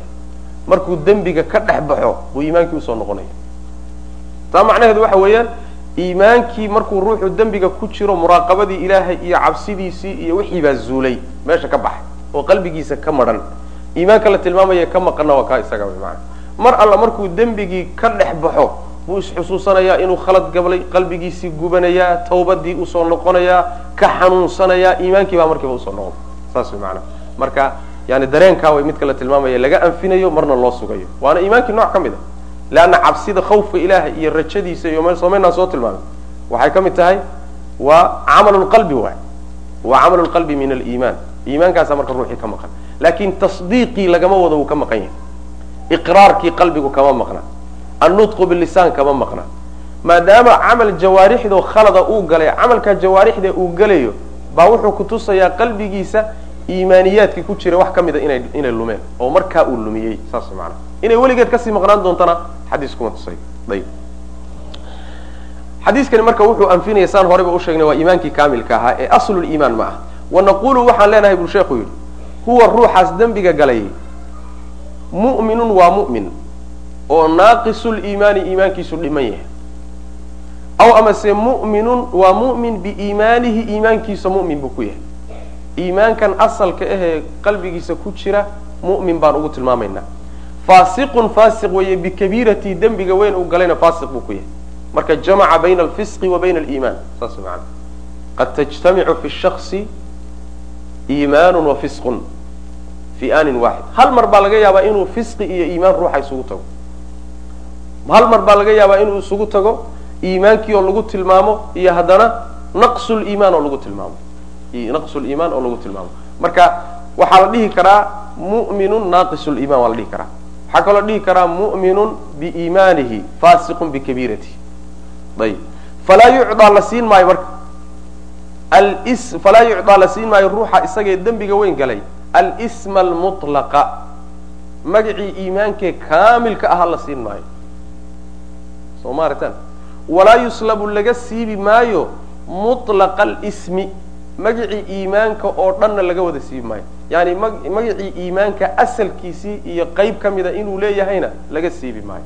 Halkaasuu marka inoogu caddeeyey yani alfarqu bayna yani alsm lmutlaq wa mutlaq lsm saas maana waxay ka mid tahay tacbiiraadka daqiiqa ah oo aad iyo aad u cajo badan oo sheikhu islam ibnu taymiya uu isticmaalay iyo culimo kaleetaba marka la kala farqinayo yani mas'alada iimaanka masalatu liimaan ee udhaxaysa khawaarijta iyo ahlusunna waljamaca ama khawaarijta iyo yani ahlusunna waljamaca iyo muctaziladan dhihi laha ayib falaa yucdaa la siin maayo marka alsma almutlaqa la siin maayo. Yaa magaciio mutlaqa siiyey marka. Way waa murji'ada soo maha alsma almutlaqa waxaa siiyey iimaankii oo kaamila waxaa siiyey isagoo dembi weyn galayaa siiyey waa murji'ada soo maha taa iyagaa ku khaldan walaa yuslabu lagana siibi maayo mutlaqa alismi ismigii iimaanka asalkiisii. Iyo qeyb ka midana laga siibi maayo oo taana ayaa ku khaldamay khawaarijta oo kaba saaray oo gaalaysiiyey. Ayib walaa yuslabu laga siibi maayo mutlaqa alismi ismigii iimaanka iyo magacii iimaanka. Yani waxa weeyaan asalkiisii laga siibi maayo bikabiirati dembigiisaa weyn uu galay looga siibi maayo. Saasuu macnaha leeyay masaladu marka si fiican buu sheekhu u soo faahfaahiyey waana sidaa farqiga ahlusunna waljamaca iyo udhexeeya yani murji'ada fi masalati liimaan ama udhexeeya ahlusunna waljamaca iyo khawaarijta iyo muctazilada oo dhinaca. Farqiga udhexeeya waa farqigaa isaga qolona camal kasta dembi kasta oo weyn bay dadka ku gaalaysiiyaan waa khawaarijta iyo muctazilada qolona waxay qabaan dembi kasta oo weyn ood gasho maa cada shirk in uusan ruuxu iimaankiisa waxba u geysanin labada dhinac bay marka kale taagan yihiin horaan u soo sharxnay yani ahlusunna waljamacana waa wasat. Waa wasat oo labada madhab bay udhexeeyaan oo waxay leeyihiin ruuxii dembi weyn gala oon gaalnimo gaadhsiisnayn iimaankii oo dhammaystiranna ma haysto oo iimaankiisii waa dhaawacmay waa dhinmay waxbaa gaadhay. Iimaankii oo dhanna laga wada siibi maayo weli waa ruux mu'min oo muslima waay. Saasay ugu dhexeeyaan marka labada kooxood. Ayib min usuuli ahli sunnati waljamaca masaladani waa masalada macnaha hadda runtii dhex taalla saxwada aad ay yani waxa weyaan maratay hadda rasaaishan aada la isugu radinayo masalada ku taala macnaha marba mas'alaha saxwada dhex taalla khaasatan saxwada salafiga aada u dhex taalla masalada maalmahan macnaha aada yani loo celcelinaya middaa iyada marka waxaa fiican inuu ruuxu aada isaga bisleeyo oo culimada yani rasaaisha isugu jajawaabaysa in uu yani kulli akriyo kulli inuu akriyo yani waxa weeyaan uu akriyo maalan waxa weeye sheekh hebel wuxuu ka yidhi sheekh hebel wuxuu ka yidhi isagoo kaalmaysanaya qawaaciddii ay salaf ku dejiyeen asagoon ku degdegin ruux shaksi ku xugmintiisa lagu xugmiyo ama waa murji'i ama waa khaariji. Leanna ruux muslima xugmintiisa oo asalkiisa aan ogeyn un macnaha waxa weeyaan caqiide wanaagsan lahaa xugmintiisa irjaal lagu xugmiyo ama khaariji lagu xugmiya masale fudud maaha. Saas daraaddeed wixii in laga baaraandego si fiican loo dhuuxo oo la akriyo oo markaa kadib macnaha khulaasa ruuxa u soo bixi karta natiija u soo bixi karta. Laakiin haddii aad hal dhinacun la boodo waa masale halisteeda le maanaha aad bay udhib badanta waana masale runtii mustawaheeda hadda doodeeda iyo fahamkeeda culimadaa gaadhsiisan. Masaaisha daqiiqa ee dalabatulcilmiga in badan ka qarsoomi kartay ka mid masaladani maanaha maxaa yeelay hadda yani akrintaan akrinaynaa laga yaaba dadka inta fahmaysaba inay yarta. Fawaariqda yar yarka ee udhaxaysa meesha taal taalla. Yani waxaa laga yaabaa ahlusunna waljamaca iyo nimanka khaarij khawaarijta la yidhahdo maalan ufiirsada hadda. Qolo walba waxay leeyihiin alimaanu qawlun wa camalun ictiqaadun wa qawlun wa camalun biljawaarix maxaa u dhexeeya khawaarij iyo ahlusunna waljamaca farqi yani waxa weeye aada iyo aada daqiiq u ah wey laakin murji'ada iyo ahlusunna waljamaca iyaga farqiga udhexeeya waa waadix jiddan waadix jiddan wey maanaha marka mas'aladaas hala tatabudo yaan lagu degdegin khaasatan culimada xukmintooda yaan lagu degdegin. Culimada in la xukmiyo oo khaasatan culimada lagu yaqaano yani manhajkooda inuu saxiixa yahay yaan lagula degdegin xukmintooda lagu xukmiyo runtii. Yani manhaj mucayana ama firqa mucayana mabaadideedii in lagu xukmiyo. Allahuma bacda tatabut markii la hubsado kadib. Dadka xukminayana ay yihiin dad culimo iyaga markaa ka mustasareeya ama la mustawaaba. Markaa unbaa macnaha arrintu imaan kartaa. Haddii khilaaf uu dhexdooda yimaado culimada dhexdoodana waxaa saaran dadka dalabatulcilmiga inay aada masalada uhubsadaan inay aada uhubsadaanoo aan lagu degdegin saas way macnaha. Wa min usuuli ahli sunnati waljamaca ahlu sunnaha iyo jamacaha usuushooda waxaa ka mid ah salaamatu quluubihim quluubtooda fayoobideeda wa alsinatihim iyo carabyaalkooda fayoobidooda ay fayowdahay liasxaabi rasuuli lahi sal ly waslam nabiga saxaabadiisa ayuu fayowdahay. Yani masaladana waxay ka mid tahay masaa-isha iyadana lagu qaybsamay oo ahlusunna waljamaca iyo firaqu ay isku khilaafsan yihiin. Waa mas'alada la yidhaahdo asxaabu rasuuli lahi sal lay waslam saxaabadii nebiga sal lay waslam ayib kooxa halisa iyaga laftoodu meeshan ku khilaafay ahlusunna waljamaca masaladaasu meeshan sheeku ka gelaya wa min usuuli ahli sunna waljamaca ahli yani sunnada iyo jamaacada dadkeedu waxaa usuushooda ka mida salaamatu quluubihim quluubtooda fayoobideeda. Quluubtooda fayow wa alsinatihim iyo carabyaalkooda waxay u fayow yihiin min bacdihim yaquluuna rabbana اغfir lana wlikhwanina aladina sabaquna biliiman wla tajcal fi quluubina gila liladina aamanuu rabbana inaka ra'uuf raxiim aayaddaas siduu ilah ku tilmamay subxana wa tacala yani wuxuu rabbi yidhi wladiina kuwa jaa-uu yimid min bacdihim gadaashooda. Min bacdihim damiirkeedu wuxuu noqonayaa muhaajiriintii iyo ansaartii. Aayaddii ka horeysa ka warramayay lilfuqaraءi almuhaajiriina aladina ukrijuu min diyaarihim markii laga soo hadlay muhaajiriinta waxaa la yidhi wاladina tabawa'uu daara wاliimaana min qablihim soo maya ayib aayadda saddexaad baa marka waxaa la yidhi wاladina jaa-uu min bacdihim marka muhaajiriinta iyo ansaarta dadkii ka dambeeyey waay wاladina kuwa jaa-uu yimid min bacdihim muhaajiriinta iyo ansaarta gadaashooda ee ka dambeeyey yaquuluuna waxay odhanayaan rabbanaa rabbiga noo ikfir dhaaf lana annaga noo dembi dhaaf. Waliikhwaanina walaaladannana ilaahu u dembi dhaaf. Aladiina walaaladaasoo sabaquuna nooga hormaray. Biliimaani iimaanka nooga hormaray. Iimaanka nooga horreeyey oo hortanna iimaanka qaatay. Walaa tajcal allow ha yeelin fii quluubina qalbiyadana dhexdooda ha yeelin hillan xiqdi iyo yani colaad. Liladiina kuwii ilaahu xiqdi ha u yeelin aamanuu rumeeyey. Dadka rumeeyey xiqdi iyo xasad iyo cadaawad quluubtanadu ay u qaado. Ilahu ha gelini wey macnaha walaa tajcal ha yeelin fii quluubina hillan liladiina kuwii ha u yeelin aamanuu rumeeyey rabbanaa rabbiga now inaka adigu ra'uufun baa tahay mid turid badan oo addoommadiisa u tura raxiimun oo haddana naxariis badan baa tahay alla saas way macnaha yani saasay odhanayaan waxay u ducaynayaan walaalahoodii iimaanka uga horreeyey isla markaa haddana waxay ilaahay ka magan gelayaan inuu qalbigooda xiqdi iyo cadaawad iyo xumaan u geliyo dadkii mu'miniinta ee iimaanka uga horreeyey dadka waxaa kow ka asaan sheegnayba asxaabu rasuuli lahi sal lay slam muhaajiriintii iyo ansaartii waa waxa ilaahay laga magan galo in qalbigaagu uu xiqdi iyo cadaawad u qaado saxaabadii nebiga salawatu rabbi wasalaamu aleyh saas maana maxaa yeele muminiintu waa un saddexda.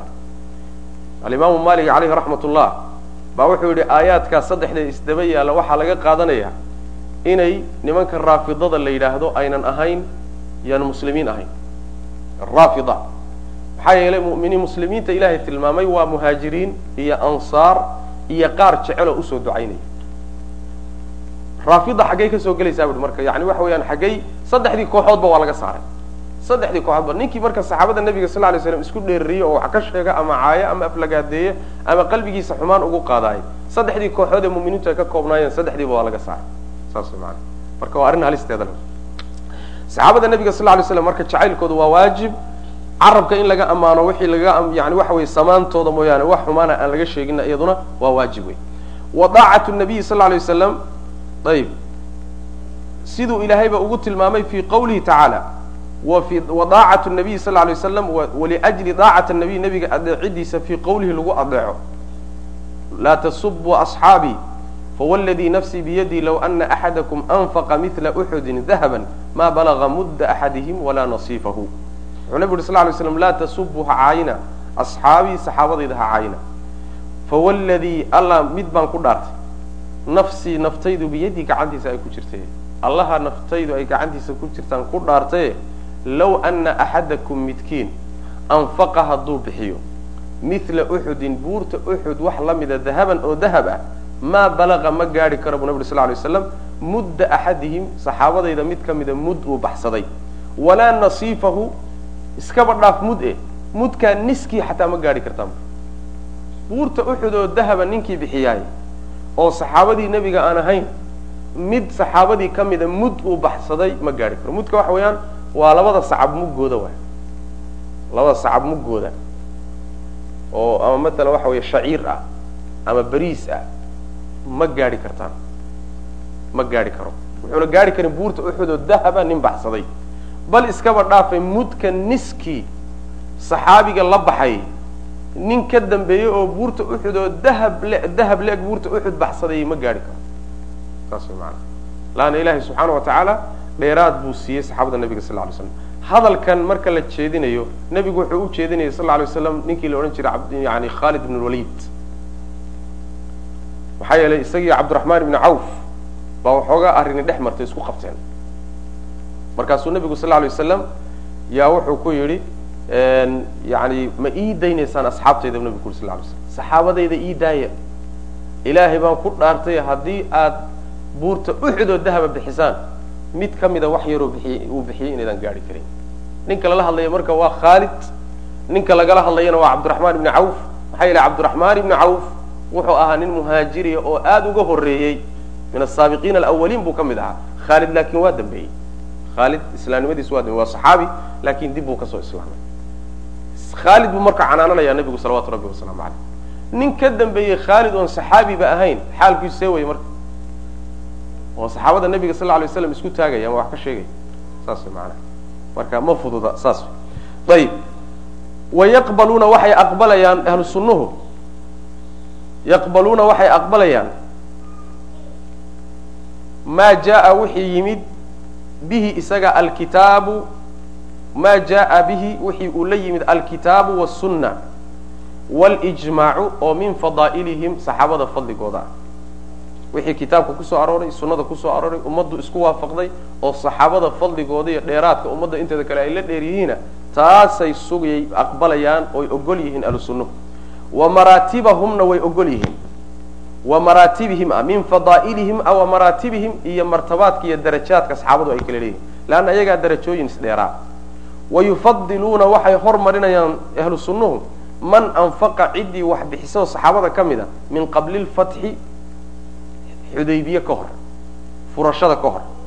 Wa huwa fatxigaasina sulxu lxudaybiyati wey oo waqaatala haddana dagaalamay calaa man cid bay ka hormarinayaan anfaqa bixiyey min bacdu fatxiga kadib oo waqaatala dagaalamay saxaabadii baa kala horreeya laftooda aayaddii buu sheekhu tilmaamayaa fii suurati alxadiid ilahi subxana wa tacala uu ku yidhi laa yastawi minkum man anfaqa min qabli lfatxi waqaatala ulaa'ika acdamu darajata min aladiina anfaquu min bacdu waqaataluu fatxigan marka waa yani siduu sheekhu leeyahay waa sulxu lxudaybiya waana qawlka mashhuurkee ay u badan yihiin jumhuur lmufasiriin yani lagama wado maka furashadeedii ee waxaa laga wadaa heshiiskii uu nabigu sal lay slam quraysh la galay ee xudaybiya waana midka inaa fataxnaa laka fatxan mubiinan alla u yidhi subxana wa tacala waa sulxu lxudaybiya maxaa yeele isagaa fatxi ah furasho kasta isagaa ka yani waxa weeyaan nataa'ijtiisa iyo wixii ka dhashay iyo marka la fiiriyo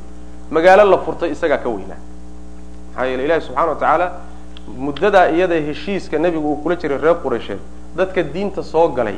Waxaad ka garan kartaan sulxulxudaybiya markuu nebigu tegayey kun iyo shan boqol oo nin buu watay ama kun iyo afar boqol oo nin. Maalinkii maka uu furanayey nebigu sal lla lay wasalam oo laba sano ay ka soo wareegtayna laba sana ka soo wareegtay sulxulxudaybiya yani waxa uu nebigu watay salawaatu rabbi wasalaamu calayh taqriiban ilaa toban kun ciidan gaadhayuu nebigu watay salawatu rabbi wasalaamu calayh fatradaa yartaa muddadaa yartee gaaban bay marka dadkaa intooda badan ku soo islaameen.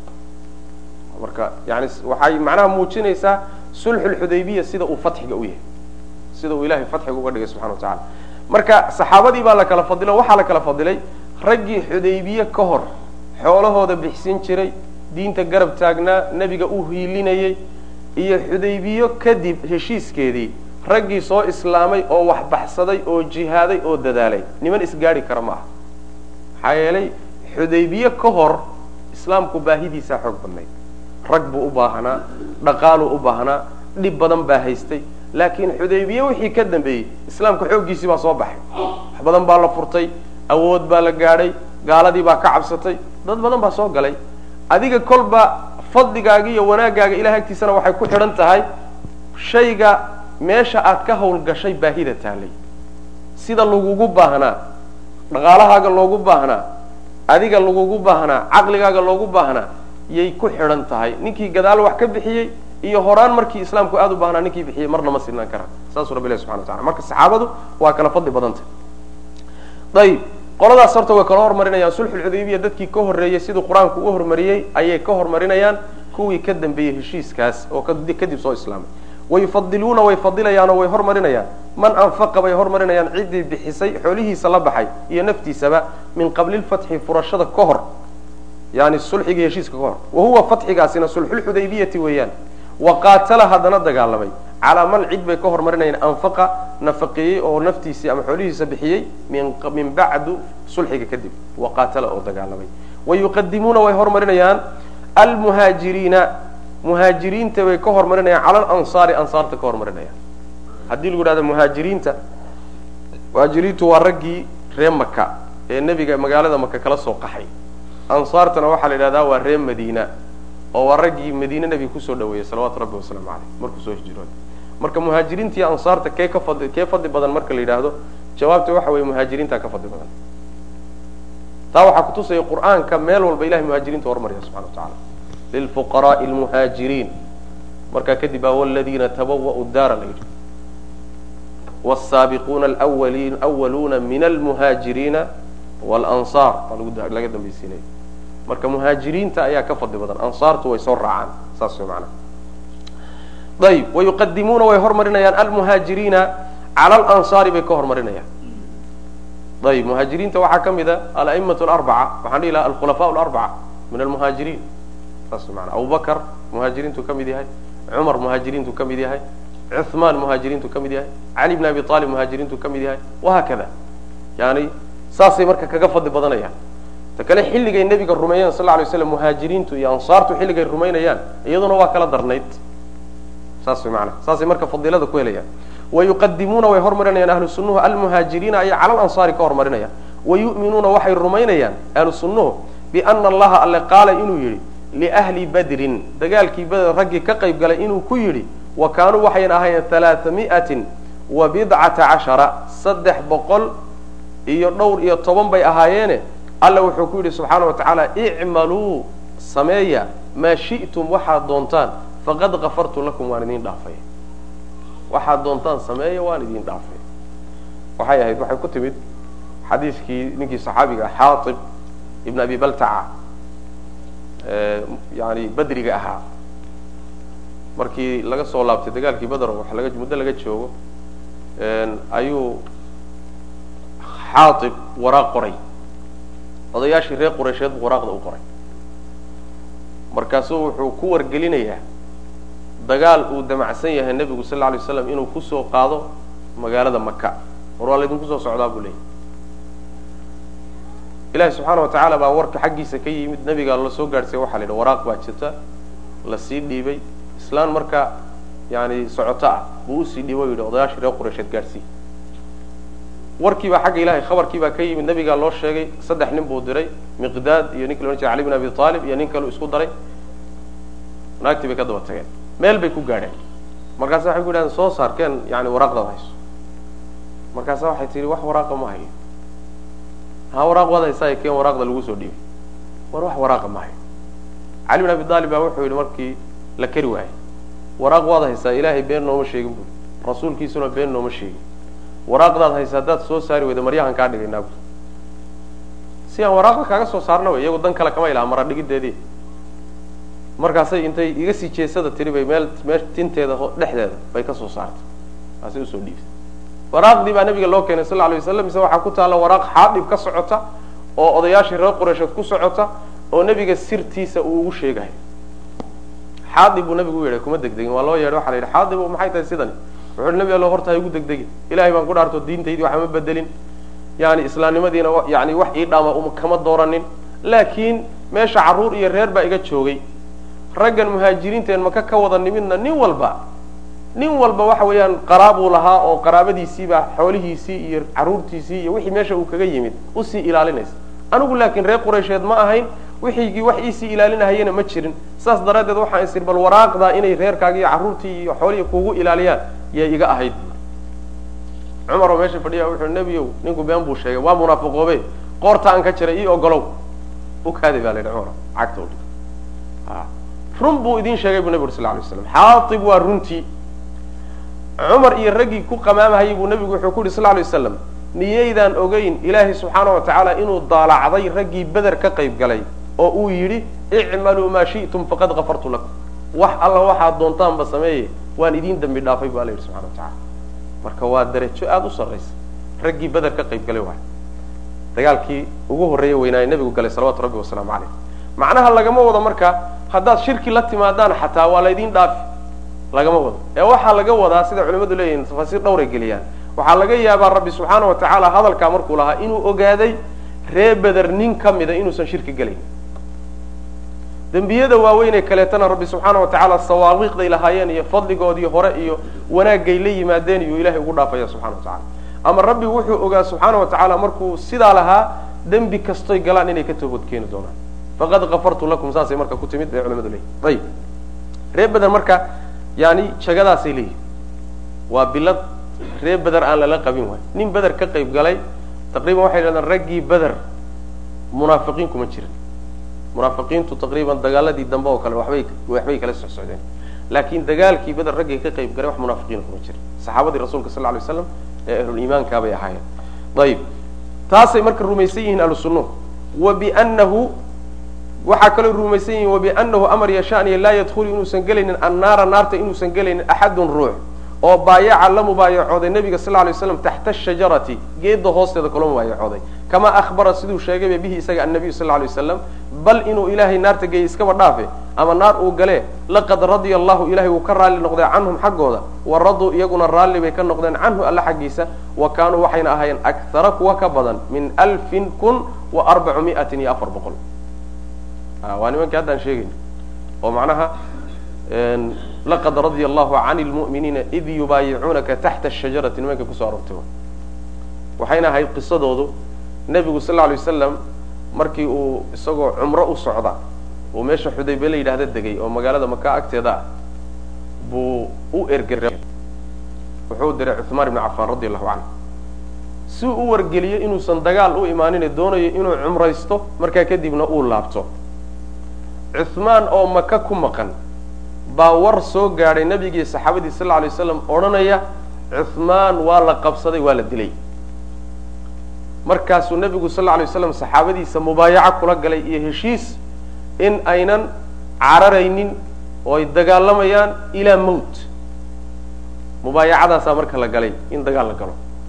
Warkii baa marka dib ka soo beenoobay cusmaan baa gadaal ka yimid. Waa midda yani waxa weye shiicadu ay ku eedeeyaan cuhmaan ibni cafaan mubaayacada wuu ka maqnaa bay dhaha laakiin xadiiska nebiga kus ku soo aroortay nebigu sal lay sl labadiisa gacmood intuu isku qabtay bu wuxuu yihi hadihi licuhmaan taasi waa mubaayacadii cuhmaan buu nebigu sal lay slam isagaa matelaya nebigu s gacantiisuba ugu mubaayacooday ba cuhmaan ibn cafaan radi allahu canhu saas weyaan ayib marka ilaahay raalli buu ka noqday nimankii marka iyaguna yani heshiiskaas iyo gacansaarkaas iyo mubaayacada iyo cahdiga nebiga la galay geedda hoosteeda iyaguna niman ilahay raalli ka yahay bay ahayn subxana wa tacala kun iyo afar boqol oo nin bay ahayn wayashhaduuna waxay uga markhaati kacayaan ahlu sunnuhu biljannati janno waxay u qirayaan uga markhaati kacayaan.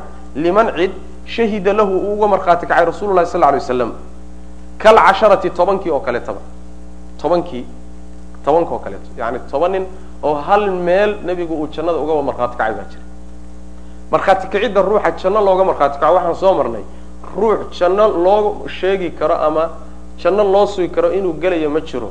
Ciddii qur'aanka iyo sunnadu ay sheegtay inuu janno gelayo mooye. Jannada looga markhaati kacay laba mid wey in shaksigan la yidhaahdo hebel baa jannada gelaya iyo in sifo lagu xidho. Oo la yidhaahdo ruuxii ilaahay ka cabsada jannadu gelayaa ruuxii shahiida jannadu gelayaa ruuxii waxaa la yimaada jannadu gelayaa sifo haddii lagu xidho dhib ma laha. Laakiin ta laga hadlayo waxa weeyaan shaksi hebel iyo ruux hebel baa jannada gelaya ma odhan kartid allahuma ciddii rasuulku uu sheegay sal lay slam inuu jannada gelaya mooyaane. Sida tobankii saxaabi la yidhaahdo alcashara almubashara biljanna. Tobankaasi hal meel bay ahan laakiin keligood ma ah saxaabada jannada loogu bishaaray iyagoo nool waa badan yihiin tobankaasi laakiin hal meel bay hal meel isagoo fadhiya bu hal mar nabigu jannada ugu bishaaray sal lay slam yani waxa waa ti ulaa nabigu sal lay waslam abu bakrin fi ljanna wa cumaru fi ljanna wa cuhmaanu fi ljanna wa caliyun fi ljanna wa saciid ibnu zayd fi ljanna wa sacd ibn abi qas fi ljanna wa cabdiraxman ibn cawf fi ljanna wa طalxat bn cubayd illahi fi ljanna wa zubayr ibn cawaan fi ljanna wa cubaydat bn ljarax fi ljanna tobankaaba. Hal meel buu nabigu sal lay slam jannada ugu wada bishaaray. Saas manaa ayib wa haabit bnu qaysin ibnu shumaas wa kayruhum iyo keyrkoodo min asaxaabati ka mid haabit ibnu qays isaguna wuxuu ka mid yahay saxaabadii iyagoo nool nabigu jannada ugu bishaaray sal lay waslam wuxuu ahaa isagana qisadiisa. Yaa ayuha aladiina aamanuu laa tarfacuu aswaatakum fawqa sawti nabiy markay soo degtay. Nabiga sawdkiisa sawdkiina ha ka kormarinina. Buu nin aada u cod sarreeyo dadka yani waxa weye hadaladooda taagtaagan yihiinoo codka dheerna wuu ahaa oo khadiib ah. Markii aayaddaasi soo degtay buu yuu intuu aada iyo aada u murgay oo walbahaaray buu gurigiisa iska fadhiistay.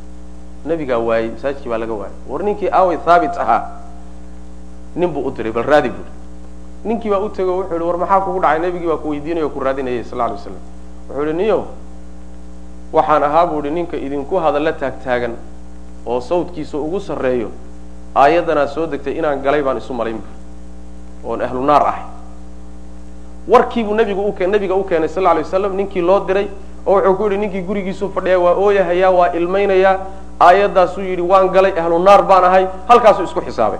Markaasuu nabigu wuxuu ku yidhi sal lay waslam maya. Saas ma aha bu u yeedh bu nabigu sal lay waslam markaasu wuxuu ku yidhi taciishu xamiidan wa tuqtalu shahiidan wa tadkhulu ljanna bu nabigu sal lay waslam adoo lagu ama mahadsanna waad noolaan adoo shahiidana waa lagu dili jannada ilahayna waad geli bu nabigu ku yidhi sal lay waslam saas maanaa marka halkaasaa isagana loogu bishaareeyey rag badan baa jiray. Waxaa ka mid ahayd gabadhii suuxdinta qabtay. Oo iyadana nabigu sal lay slam jannada ugu bishaareeyey waxaa ka mid a maalan yani ninkii la odhan jiray cukaasha cukaashat bnu muxsin soo maayn yani isagu weliba lagu daray toddobaatanka kun ee jannada geli doona bilaa xisaabin walaa cadaab. Rag badan oo marka saxaabada ka mid a jira oon tobankan siyaado ka ah oo nabigu jannada ugu bishaarayay salawatu rabbi wasalaamu aleyh saas way ayib wayuqiruuna waxay qirayaan ahlu sunnuhu bima tawatara wixii yani iswaafaqay bima tawatara waxa uu isku waafaqay bihi isaga annaqlu soo guurintu nusuusta la soo guuriyey waxay isku waafaqday oo ah can amiiri lmu'miniina mu'miniinta amiirkoodii laga soo guuriyey cali bni abi aalibin ah radia allahu canhu iyo wagayri isaga kayrkiiba waxaa laga soo guuriyey oo ah macnaha min ana khayra hadihi lumma ummadanka ugu khayr badani bacda nabiyiha nabigeeda gadaasheeda abu bakrin inuu yahay. Uma kadibna cumaru cumar uu ku xigo yani cali bni abi aalib radia allahu canhu iyo kayrkiiba waxaa laga soo guuriyey inay yidhaahdeen ummadda nebigeeda kadib waxaa ugu khayr badan abubakr sidiiq waxaa ku xiga cumar ibn khadaab radi allahu canhu cali hadda wuxuu inoogu magacaabay sheekhu saxaabo fara badan baa nebiga ka soo guurisay oo ka warisay ummadda inuu abubakar ugu fadli badan yahay. Laakiin cali wuxuu hadda inoogu magacaabay shiicaduu ku radinaya. Shiicadaa waxay qabaan cali bnu abi aalib waa gullaatu shiica wey ma aha xataa shiicadan soke gullaatu shiica. Waxay qabaan cali bnu abi aalib inuu ka fadli badnaa abubakr sidiiq oo cali fadli badnaa bay rumaysan yihiin maanaa marka taasuu ku radinaya cali laftiisa yaabaxaaba laga wariyey oo nebiga ka wariyey inuu abubakar ummadda ugu fadli badan yahay bacda nabiyiha salawatu rabbi wasalamu aleyh cali laftiisii baaba sheegayaba wax kale iska badaya mana oo yani ahlubeytkii ah. Oo min ana khayra hadihi lumma ummadanka ugu khayr badnay bacda nabiyiha abubakrin inuu yahay. Uma kadibna cumaru cumar baa ku xiga. Wayuhallisuuna ahlu sunnuhu waxay ku sadexaynayaan labadaa waxay ku sadexaynayaan bicuhmaana cuhmaan bay ku sadexaynayaan wayurabbicuuna waxay ku afraynayaan bicaliyin bay ku afraynayaan radi allahu canhu kamaa dallad siday kutustayba caleyhi dushiisa alaahaaru axaadiistu siday kutustay wa kamaa ajmaca say iskugu waafaqeen ba asaxaabatu saxaabadu say isku waafaqeen saxaabaduna waa isku waafaqeen aathaartuna saasay kutusaysaa kuna naqulu kharaja rasuulu lahi sal lay waslam waabu bakrin wacumar wacuhmaan dakala rasuulu lahi sal lay waslam waabu bakrin wacumar wacuhmaan waa hadalkii ibnu cumar wey radi allahu canhu markii nebiga la sheegaba cumar iyo abubakr iyo cumar waa la socdaan cuhmaan waa la socda waa isdaba yaalaan maana yani saasay marka saxabadu aan ridwan llahi caleyh wa kamaa ajmaca say isku waafaqeen asaxaabatu cala taqdiimi cuhmaana cuhmaan marka waa laba mas'alo. See loo kala fadli badan yaha waa masalo. Mas'alena waxa weeyaan khalaafada see loo kala mudnaa hogaanka muslimiinta see loo kala mudnaa hogaanka muslimiinta sida loo kala mudnaayo waxa weyan abubakar khilaafadiisii oo ummaddu isku ijmaacday. Cumar ibn khataab radi allahu canhu oo isagana khilaafadiisa la isku waafaqay. Cuhmaan ibnu cafaan oo isagana khilaafadiisa la isku waafaqay. Cali oo isagana khilaafadiisa la isku waafaqay. Saasay isugu xigaan khulafaa larbaca saasay isugu xigaan ahlu sunna waljamaca xagga khilaafada marka la yidhaahdo tartiibku waa saa. Cali lagama soo hormarin karo lama dhihi karo. Cuhmaan ibnu cafaan khilaafada waxaa ka mudnaa cali bn abi aalib hada madhab shiica waa masalat lkhilaafa marka la yidhahdo leanna ummaddu ijmaaceedu waa xujo cuhmaan horumarintiisa cali laga hormariyo fi masalati lkhilaafana waxaa isku waafaqay asxaabu rasuli lahi sal lay waslam saas mana yani cabdiraxmaan ibni cawf waa ka odhanaya xataa waxaan kala tashaday buu leeyahy wax kale iska dhaafay xataa haweenkaan talageliyay buu leeyahy ma cuhmaan baad hormarinaysaan mise cali baad hormarinaysaan cuhmaan baan hormarinaa baa cuhmaan hala hormariyo cuhmaan marka saasuu ku yihi taasi waa masalada khilaafada laakiin mas'alada yaa fadli badan. Ahlusunna waljamaca way isla ogol yihiin abubakar inuu fadli badan yahay cumar inuu soo raaco laakiin cuhmaan iyo cali bay selafku isku khilaafsanayeen xagga fadliga way. Oo selafka qaar ka mida waxaa jiray cali bni abi aalib ka hormarinaya cuhmaan ibni cafaan waa xagga fadliga. Laakiin khilaafkaasi waa horreeyey waa baaba-ay. Gadaal dambe waxay isku waafaqeen ahlusunna waljamaaca inuu cuhmaan xagga fadliga xataa kaga horeeyo cali bn abi aalib laakiin waa khilaaf qadiim ah oo saxaabada iyo selafka dhexdoodaba ka jiray. Xagga fadliga koodee fadli badan.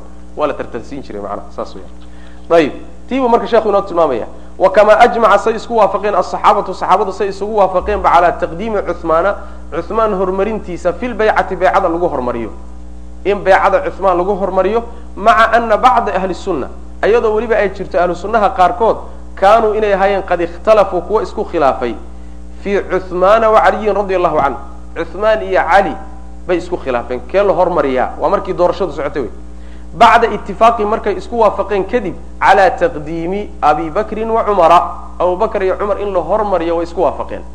Laakiin waxay isku khilaafeen cuhmaan iyo cali keebaan baycada iyo cahdiga khilaafada iyo muslimiinta hogaankooda keebaan ku hormarinaa ayuhumaa koodeeba waxay isku khilaafeen ayuhumaa koodeeba afdalu fadli badan waa cuhmaan iyo cali faqadama qawmun dad baa waxay hormariyeen cuhmaano cuhmaan bay hormariyeen wasakatuu wayna aamuseen ayib cuhmaan baa horreeya way gaabsadeen aw amase rabbacuu waxay ku afreeyeen yani waxay yidhahdeen abubakrin uma cumara uma cuhmaana wasakatuu wixii ka dambeeya cuhmaan way ka aamuseen qolyahaas oo cali mayna meesha ku soo dareen ayib aw amase rabbacuu waxay ku afreeyeen bicaliyin bay ku afreeyeen.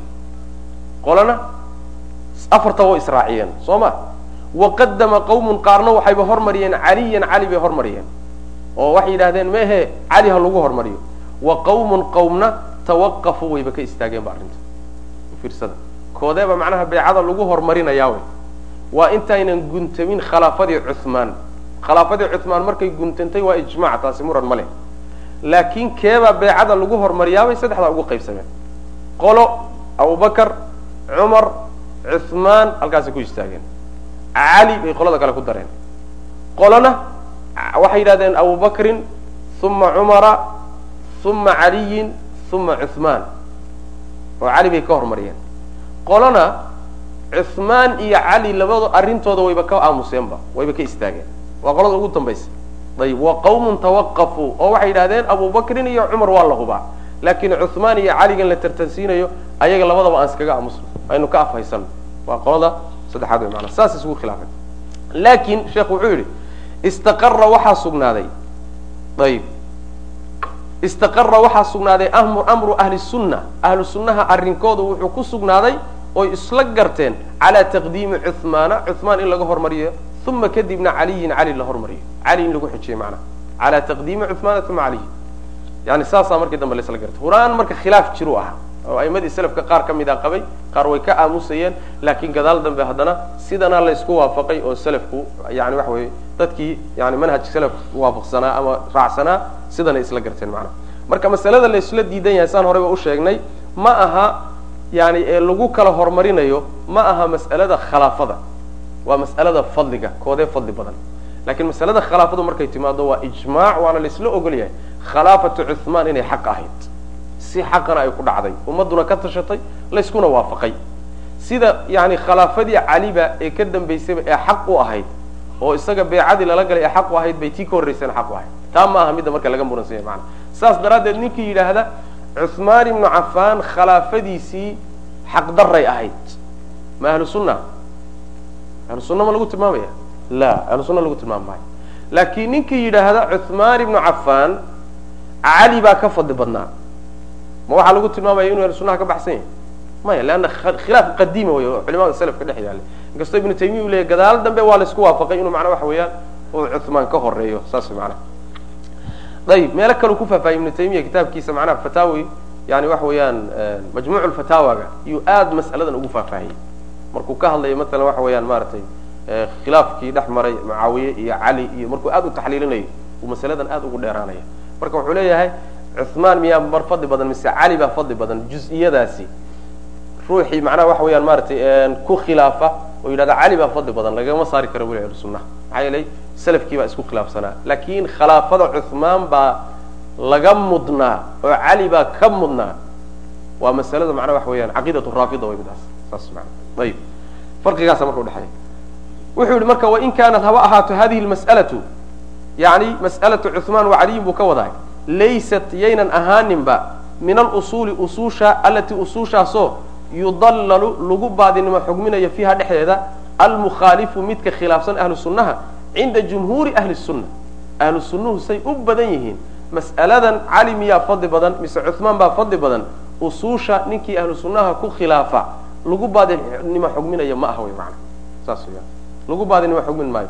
Laakiin allatii midda yudallalu lagu baadinimo xugminayo fiiha dhexdeeda waxa weeyaan mas'alatu lkhalaafa ta mas'alada khilaafada ruuxii cali baa ka mudnaa yidhaahda cuhmaan mas'aladaa wey macnaha masalada lagu baadinimo xugminayo ruuxii ahlu sunnaha ku khilaafa laakiin mas'alada koodee fadli badanna taas iyada waa khilaafkeedu waa horeeyey wadalika waxa weeyaan sababku anahum ahlu yu'minuuna waxay rumaysan yihiin ana alkhilaafata khilaafadu bacda rasuli lahi lay sl nabiga gadaashiisa ana alkhaliifata dheh khaliifkii bacda rasuli lahi lay slam abu bakrin inuu ahaa uma cumaru inuu ahaa uma kadibna cuhmaanu inuu ahaa uma caliyun inuu ahaa khulafada muminiintu saasay ahayd waman yatcanu ruuxii dura fii khalaafati axadin ruux khilaafadiisa iyo madaxnimadiisa oo min haulaai kuwaa ka mid a fa huwa kaasi adallu waa ka baadinimo badan yahay waa ka lunsanaan badan yahay min ximaari ahlihi yani reerkiisa dameerkooda reerkiisa dameerkooda waa mathal carabi ah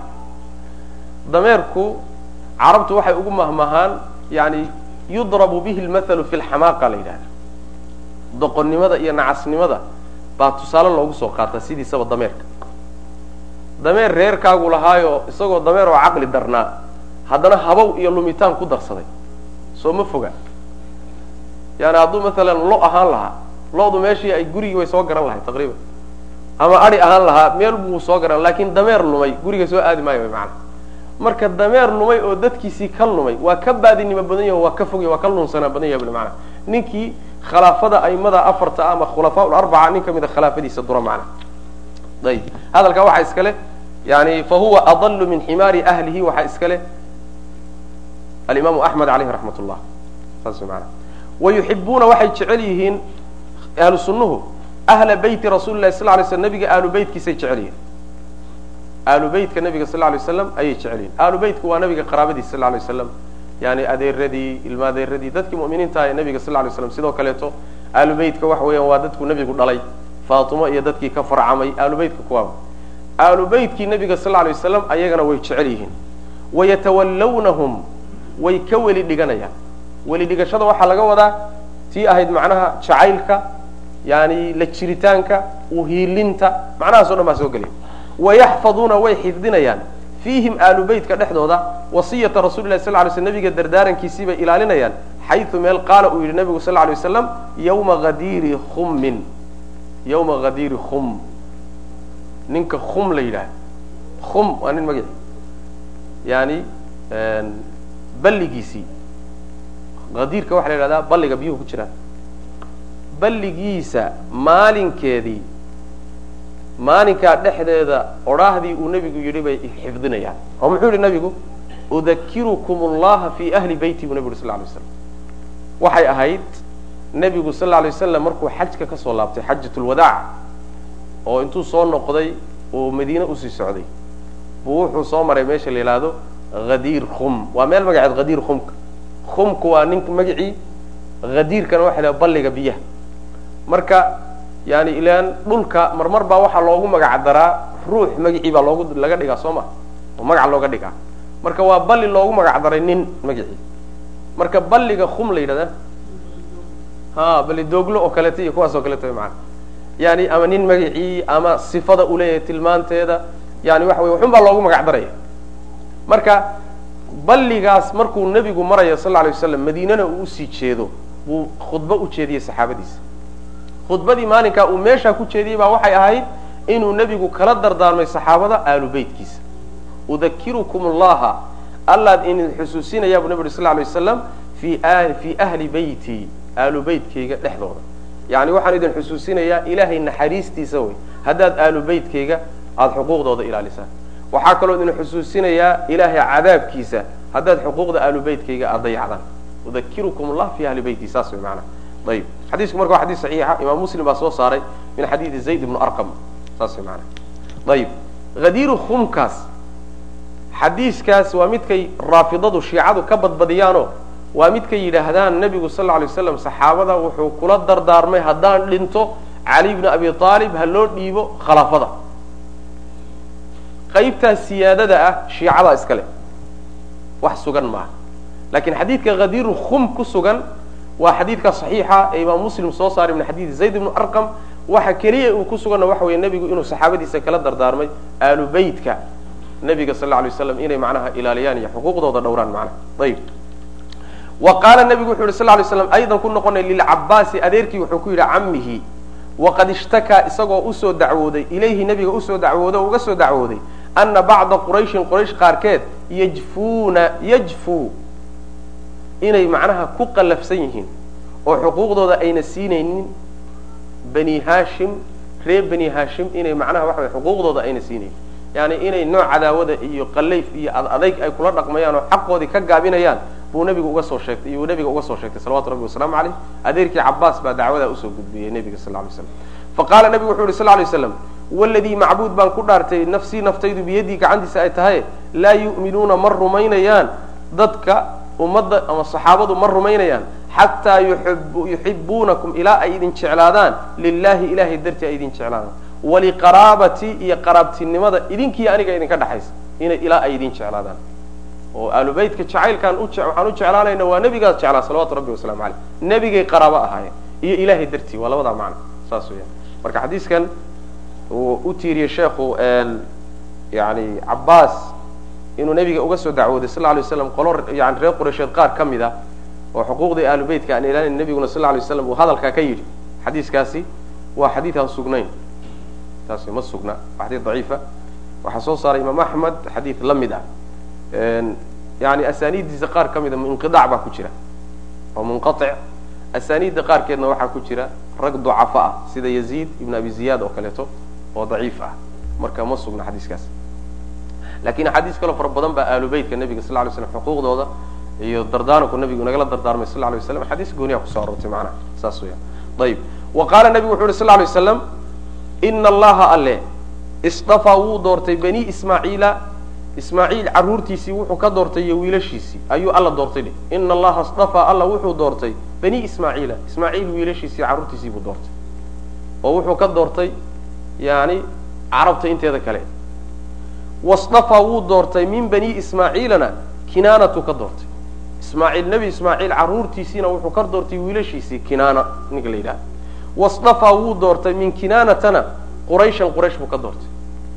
Wasdafaa alla wuu doortay min qurayshin quraysh wuxuu ka xushay oo ka doortay bani hashim waa qoyskii nebiga wasdafaanii alla wuu i doortay oo wuxuu iga xushay min bani hashim hashim carruurtiisii buu iga xushay.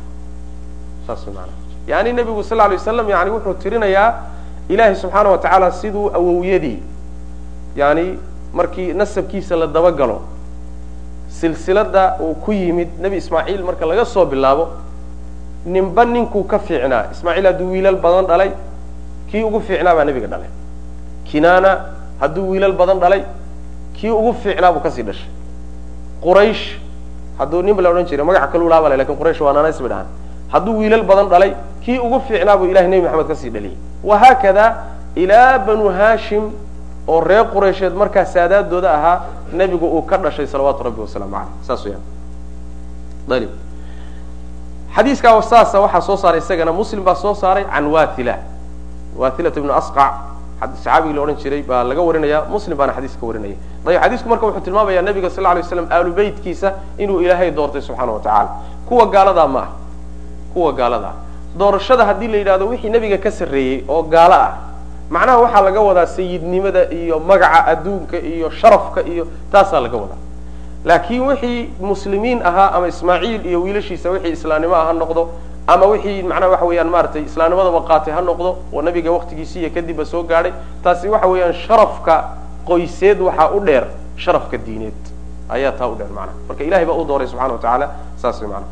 Wayatawallawna waxay ka weli yeelanayaan ahlu sunnuhu azwaaja rasuli lahi sal lay sl nabiga xaasaskiisana waa jeclaanayaan. Ahlu beytka marka jacaylkoodu shiicada khaas kuma aha shiicadu way ku xadgudbeen oo way dhaafeen. Soohodintii yani loogu talagalay bay iyagu ka gudbeen. Laakiin ahlu sunna waljamaaca shiica ahlu beytka ku xadgudubtay u nici maayaan ahlu beytka nebiga sal lay slam saas wey shiica macnaha waxa weye ka dhigatay shaqo ahlu beytka hala jeclaado oo quluwi ku sameeyey nagu bixin mayso inaan ahlu beytka xaqiisii dayacno oo ahlu beytka jacaylkiisii aan lumino. Ahlu beytkii nabiga sal lay slam inaan jeclaano waa waajib. Wuxuu yihi wayatawallawna waxay ka weli yeelanayaan oy jeclaanayaan ahlu sunnuhu azwaaja rasuli lahi sal lay slam nabiga xaasaskiisii. Ummahaati lmu'miniina mu'miniinta hooyooyinkoodna ahay. Ila nabiga xaasaskiisu mu'miniinta hooyadood waay. Yani waxay hooye ugu yihiin dhanka xurmada iyo ixtiraamka yay hooye ugu yihiin iyo guursi la'aanta aan la guursan karin nabiga gadaashiisa sal lay slam laakiin axkaamta kale hooye uguma aha. Sidii hooye loogumala dhaqan karo. Matalan lalama khalwoon karo. Ilan hooyada waad la khalwoon kartaa soo ma? Jidhkooda lama taaban karo. Sida hooyadaa u taaban karto. Matalan lalama safri karo. Sida hooyada maxram aad ugu uma noqon karaysid marka axkaamta laga wada waxa weye xagga ixtiraamka hooyadiin oo kale idinka joogaan xagga guurka aydaan guursan karayninna guur la'aanta aydaan guursan karayninna hooyadiin oo kale idin la mid yihiin marka ummahaat lmu'miniin wa wayu'minuuna waxay rumaynayaan bianahunna haweenkaasi azwaajahu nabiga xaasaskiisa inay yihiin azwaajuhu inay xaasaskiisa yihiin fi laakhirati aakhara xaasas ah khusuusan weliba gaar ahaan khadiija radi allahu canha adduunka hadday xaasas nabiga ugu ahaayeen aakharana iyagaa xaasaskiisa noqon doona nabiga sal lay slam saas maanaa yani xafsa markuu nabigu sal lay waslam mar uu furay ayaa waxaa lagu yihi soo cesho fainaha sawaamatun qawaamatun waxaa lagu yidhi waa mid soom badan oo salaadu istaagid badana soo ceshaa la waxaa loogu daray haweenkaaga jannadana waa ka mid. Marka nebiga xaasaskiisa bal xadiis baaba jiraba saxiixuljaamic sagiirka uu yani sheekh albani ku saxiixiyey oo nabigu ley sal lay waslam almar'atu liaakhiri azwaajiha haweeneed hadday rag badan ay guursadaan ninkii ay isugu dambeeyeen unbaa aakhara qabi doona buu nabigu sal lay slam oy xaas u noqonaysa. Marka nabigeena sal lay slam sidaas daraaddeed baa xaasaskiisa loo yidhi nin ugama dambayn karo. Si ay adduunka xaasas maadaama ay ugu yihiin aakharana xaasaskiisa ay u noqdaan. Nabiga xaasaskiisa sal lay slam marka in yani la jeclaado oo ixtiraamkooda la siiyo oo la qadariyo oo yani yani wilaayada intay kulahaayeen la siiyo iyadana min caqiidati ahlisunna waljamaca ka mid tahay khusuusan weliba gaar ahaan khadiijatu radi allahu canha ummu akthari awlaadihi nebiga caruurtiisa intooda badan hooyadood. Leanna hal wiil mooyaane carruurta nebiga sal lay slam intooda kale waxaa dhashay khadiija dhashay. Ibrahim ooy dhashay addoontiisii yani maria mooyaane carruurta intooda kale khadiija u dhashay nebiga sal lay slm gabdhaha iyo wiilashaba haweenkii kale nebigu uu guursaday sal lay waslam hal midoo ilmo u dhashay ma jirto. Xataa caaisha ha ahaatee. Taa way la dheer tahay haweenka way la dheertahay oo caruurtii nebiga iyadaa dhashay salawatu rabbi iyadaa dhashay waxaa dhashay khadiija dhashay macnaha. Wa awalu man ciddii ugu horraysa weeye aamana rumaysa bihi nebiga rumaysa sal lay waslam ciddii ugu horraysa nebiga rumaysana way ahayd. Waxaa lagu murmaa iyadii abubakr sidiiq kee horreeyey. Xadiiska bukhaariga marka la fiiriyo in iyadu ka horraysay baa ka muuqata leanna waxa weeyaan nebigu sal lay slam mar alla markuu malagu ku soo degay malagii ugu horreeyey ee u argagaxay. Argagaxiyo orodkii ugu horreeyey uu soo qaaday bay khadiiju gurigeeda soo galay. Warkii markuu u sheegayna khadiija way dejisay oo way rumaysatay oo waxay ku tihi ilaahay dhankiisa marnaba xumaani kaaga imaan mayso. Waa rumayntii ugu horraysay wey. Shaksigii u horreeye qaabilay ahayd markii nebigu sal lay waslam yani waxyuu ku bilowday. Marka wuxuu yidhi wa awalu man ciddii ugu horraysay ahayd oo aamana rumeeyey bihi nebiga wa caadadahu oo xoojiyey calaa amrihi arrinkiisa ku xoojiyey. Ilan iyadaa markii horeba dejisay oo argagaxa ka saartay oo tidhi ilaahay mar walba kollay ku xumayn maayo waa kula jira waa kuu hiilinaya. Dejintaasay ku samaysay kadibna way isgarab taagtay. Xoolaheediina waa isku garab taagtay radia allahu canha. Wa kaana lahu waa wa kaana lahaa waxaa u sugnaaday yani khadiija minhu nebiga xaggiisa almanzilatu alcaaliya darajo sare bay nebiga agtiisa ka joogtay salawatu rabbi wasalaamu caleyh aad bay u darajo sarraysay. Ilaa caaisha radi allahu canha ay tidhi naag aan ka masayray ama islaan aan ka masayray ma jirto oon khadiijo ahayn. Iyadana waxaan uga masayray nebigu sal alay waslam sheeg sheegeeduu badin jiray. Ilaa ay ku tidhaahdo waxaabaad ku moodaa inaadan yani waxa way xaas kalaba lahayn. Maxaa islaamtan duqdaa ku daba dhigo u sheeg sheegeeda u badisaa. Waa caaisha. Marka nebigu aad buu u jeclaa salawatu rabbi wasalaamu caleyh markuu wax gawraco xoolo qalo. Xoolaha uu qalay qaar ka mida wuxuu odhan jiray saaxiibadii khadiija ha loo geeyo haweenkii khadiijo saaxiibada la ahaan jiray buu nabigu u diri jiray salawatu rabbi waslamu caleyh marka khadiija radi allahu canha sidaasay ahayd. Marka waxaa la tartansiiyaa iyada iyo kee fadli badnaa ayada iyo caaisha oo inoo soo socota iyo fatima bintu rasuli lahi sal ly waslam liannaha yani sayidat nisa buu nabigu ku tilmamay sal lay slam fatima lafteeda. Markii la fiiriyo xilligay joogeen iyo waxyaabahay u soo qabteen diinta marka la fiiriyo khadiija radi allahu canha baad moodaa inay xagga fadliga ay ka sidato. Saas way maanaa laakiin haddana culimada qaar ka mida waxaa jira hormarinaya caaisha radi allahu canha oo ka hormariya khadiija saas maanaa marka mid walba fadaa'il fara badan bay leedahay. Asheekh ibnu cuthaymiin caleyh raxmat ullah mid walba markuu fadaa'isheedii soo tiriyey waxoogaa waxaad moodaa in uu kala rajixi kari waayo. Mid walba fadaa'il goonuu nebigu u sheegay sal lla lay slam aada u qiimo badan iskaga tegey intuu mid walba fadaa'il badan u tiriyey. Buu manaa culimo badan baana sidaas martay macnaha. Ayib. Wasidiiqatu bintu sidiiqati radi allahu khaasatan gooni ahaan buu yihi asidiiqa hadalkii hore ku cadfan khadiijatu gaar ahaan wasidiiqa bintu sidiiq radi allahu canha alatii midaasoo qaala uu yihi fiiha dhexda annabiyu sal lay slam fadlu caaisha.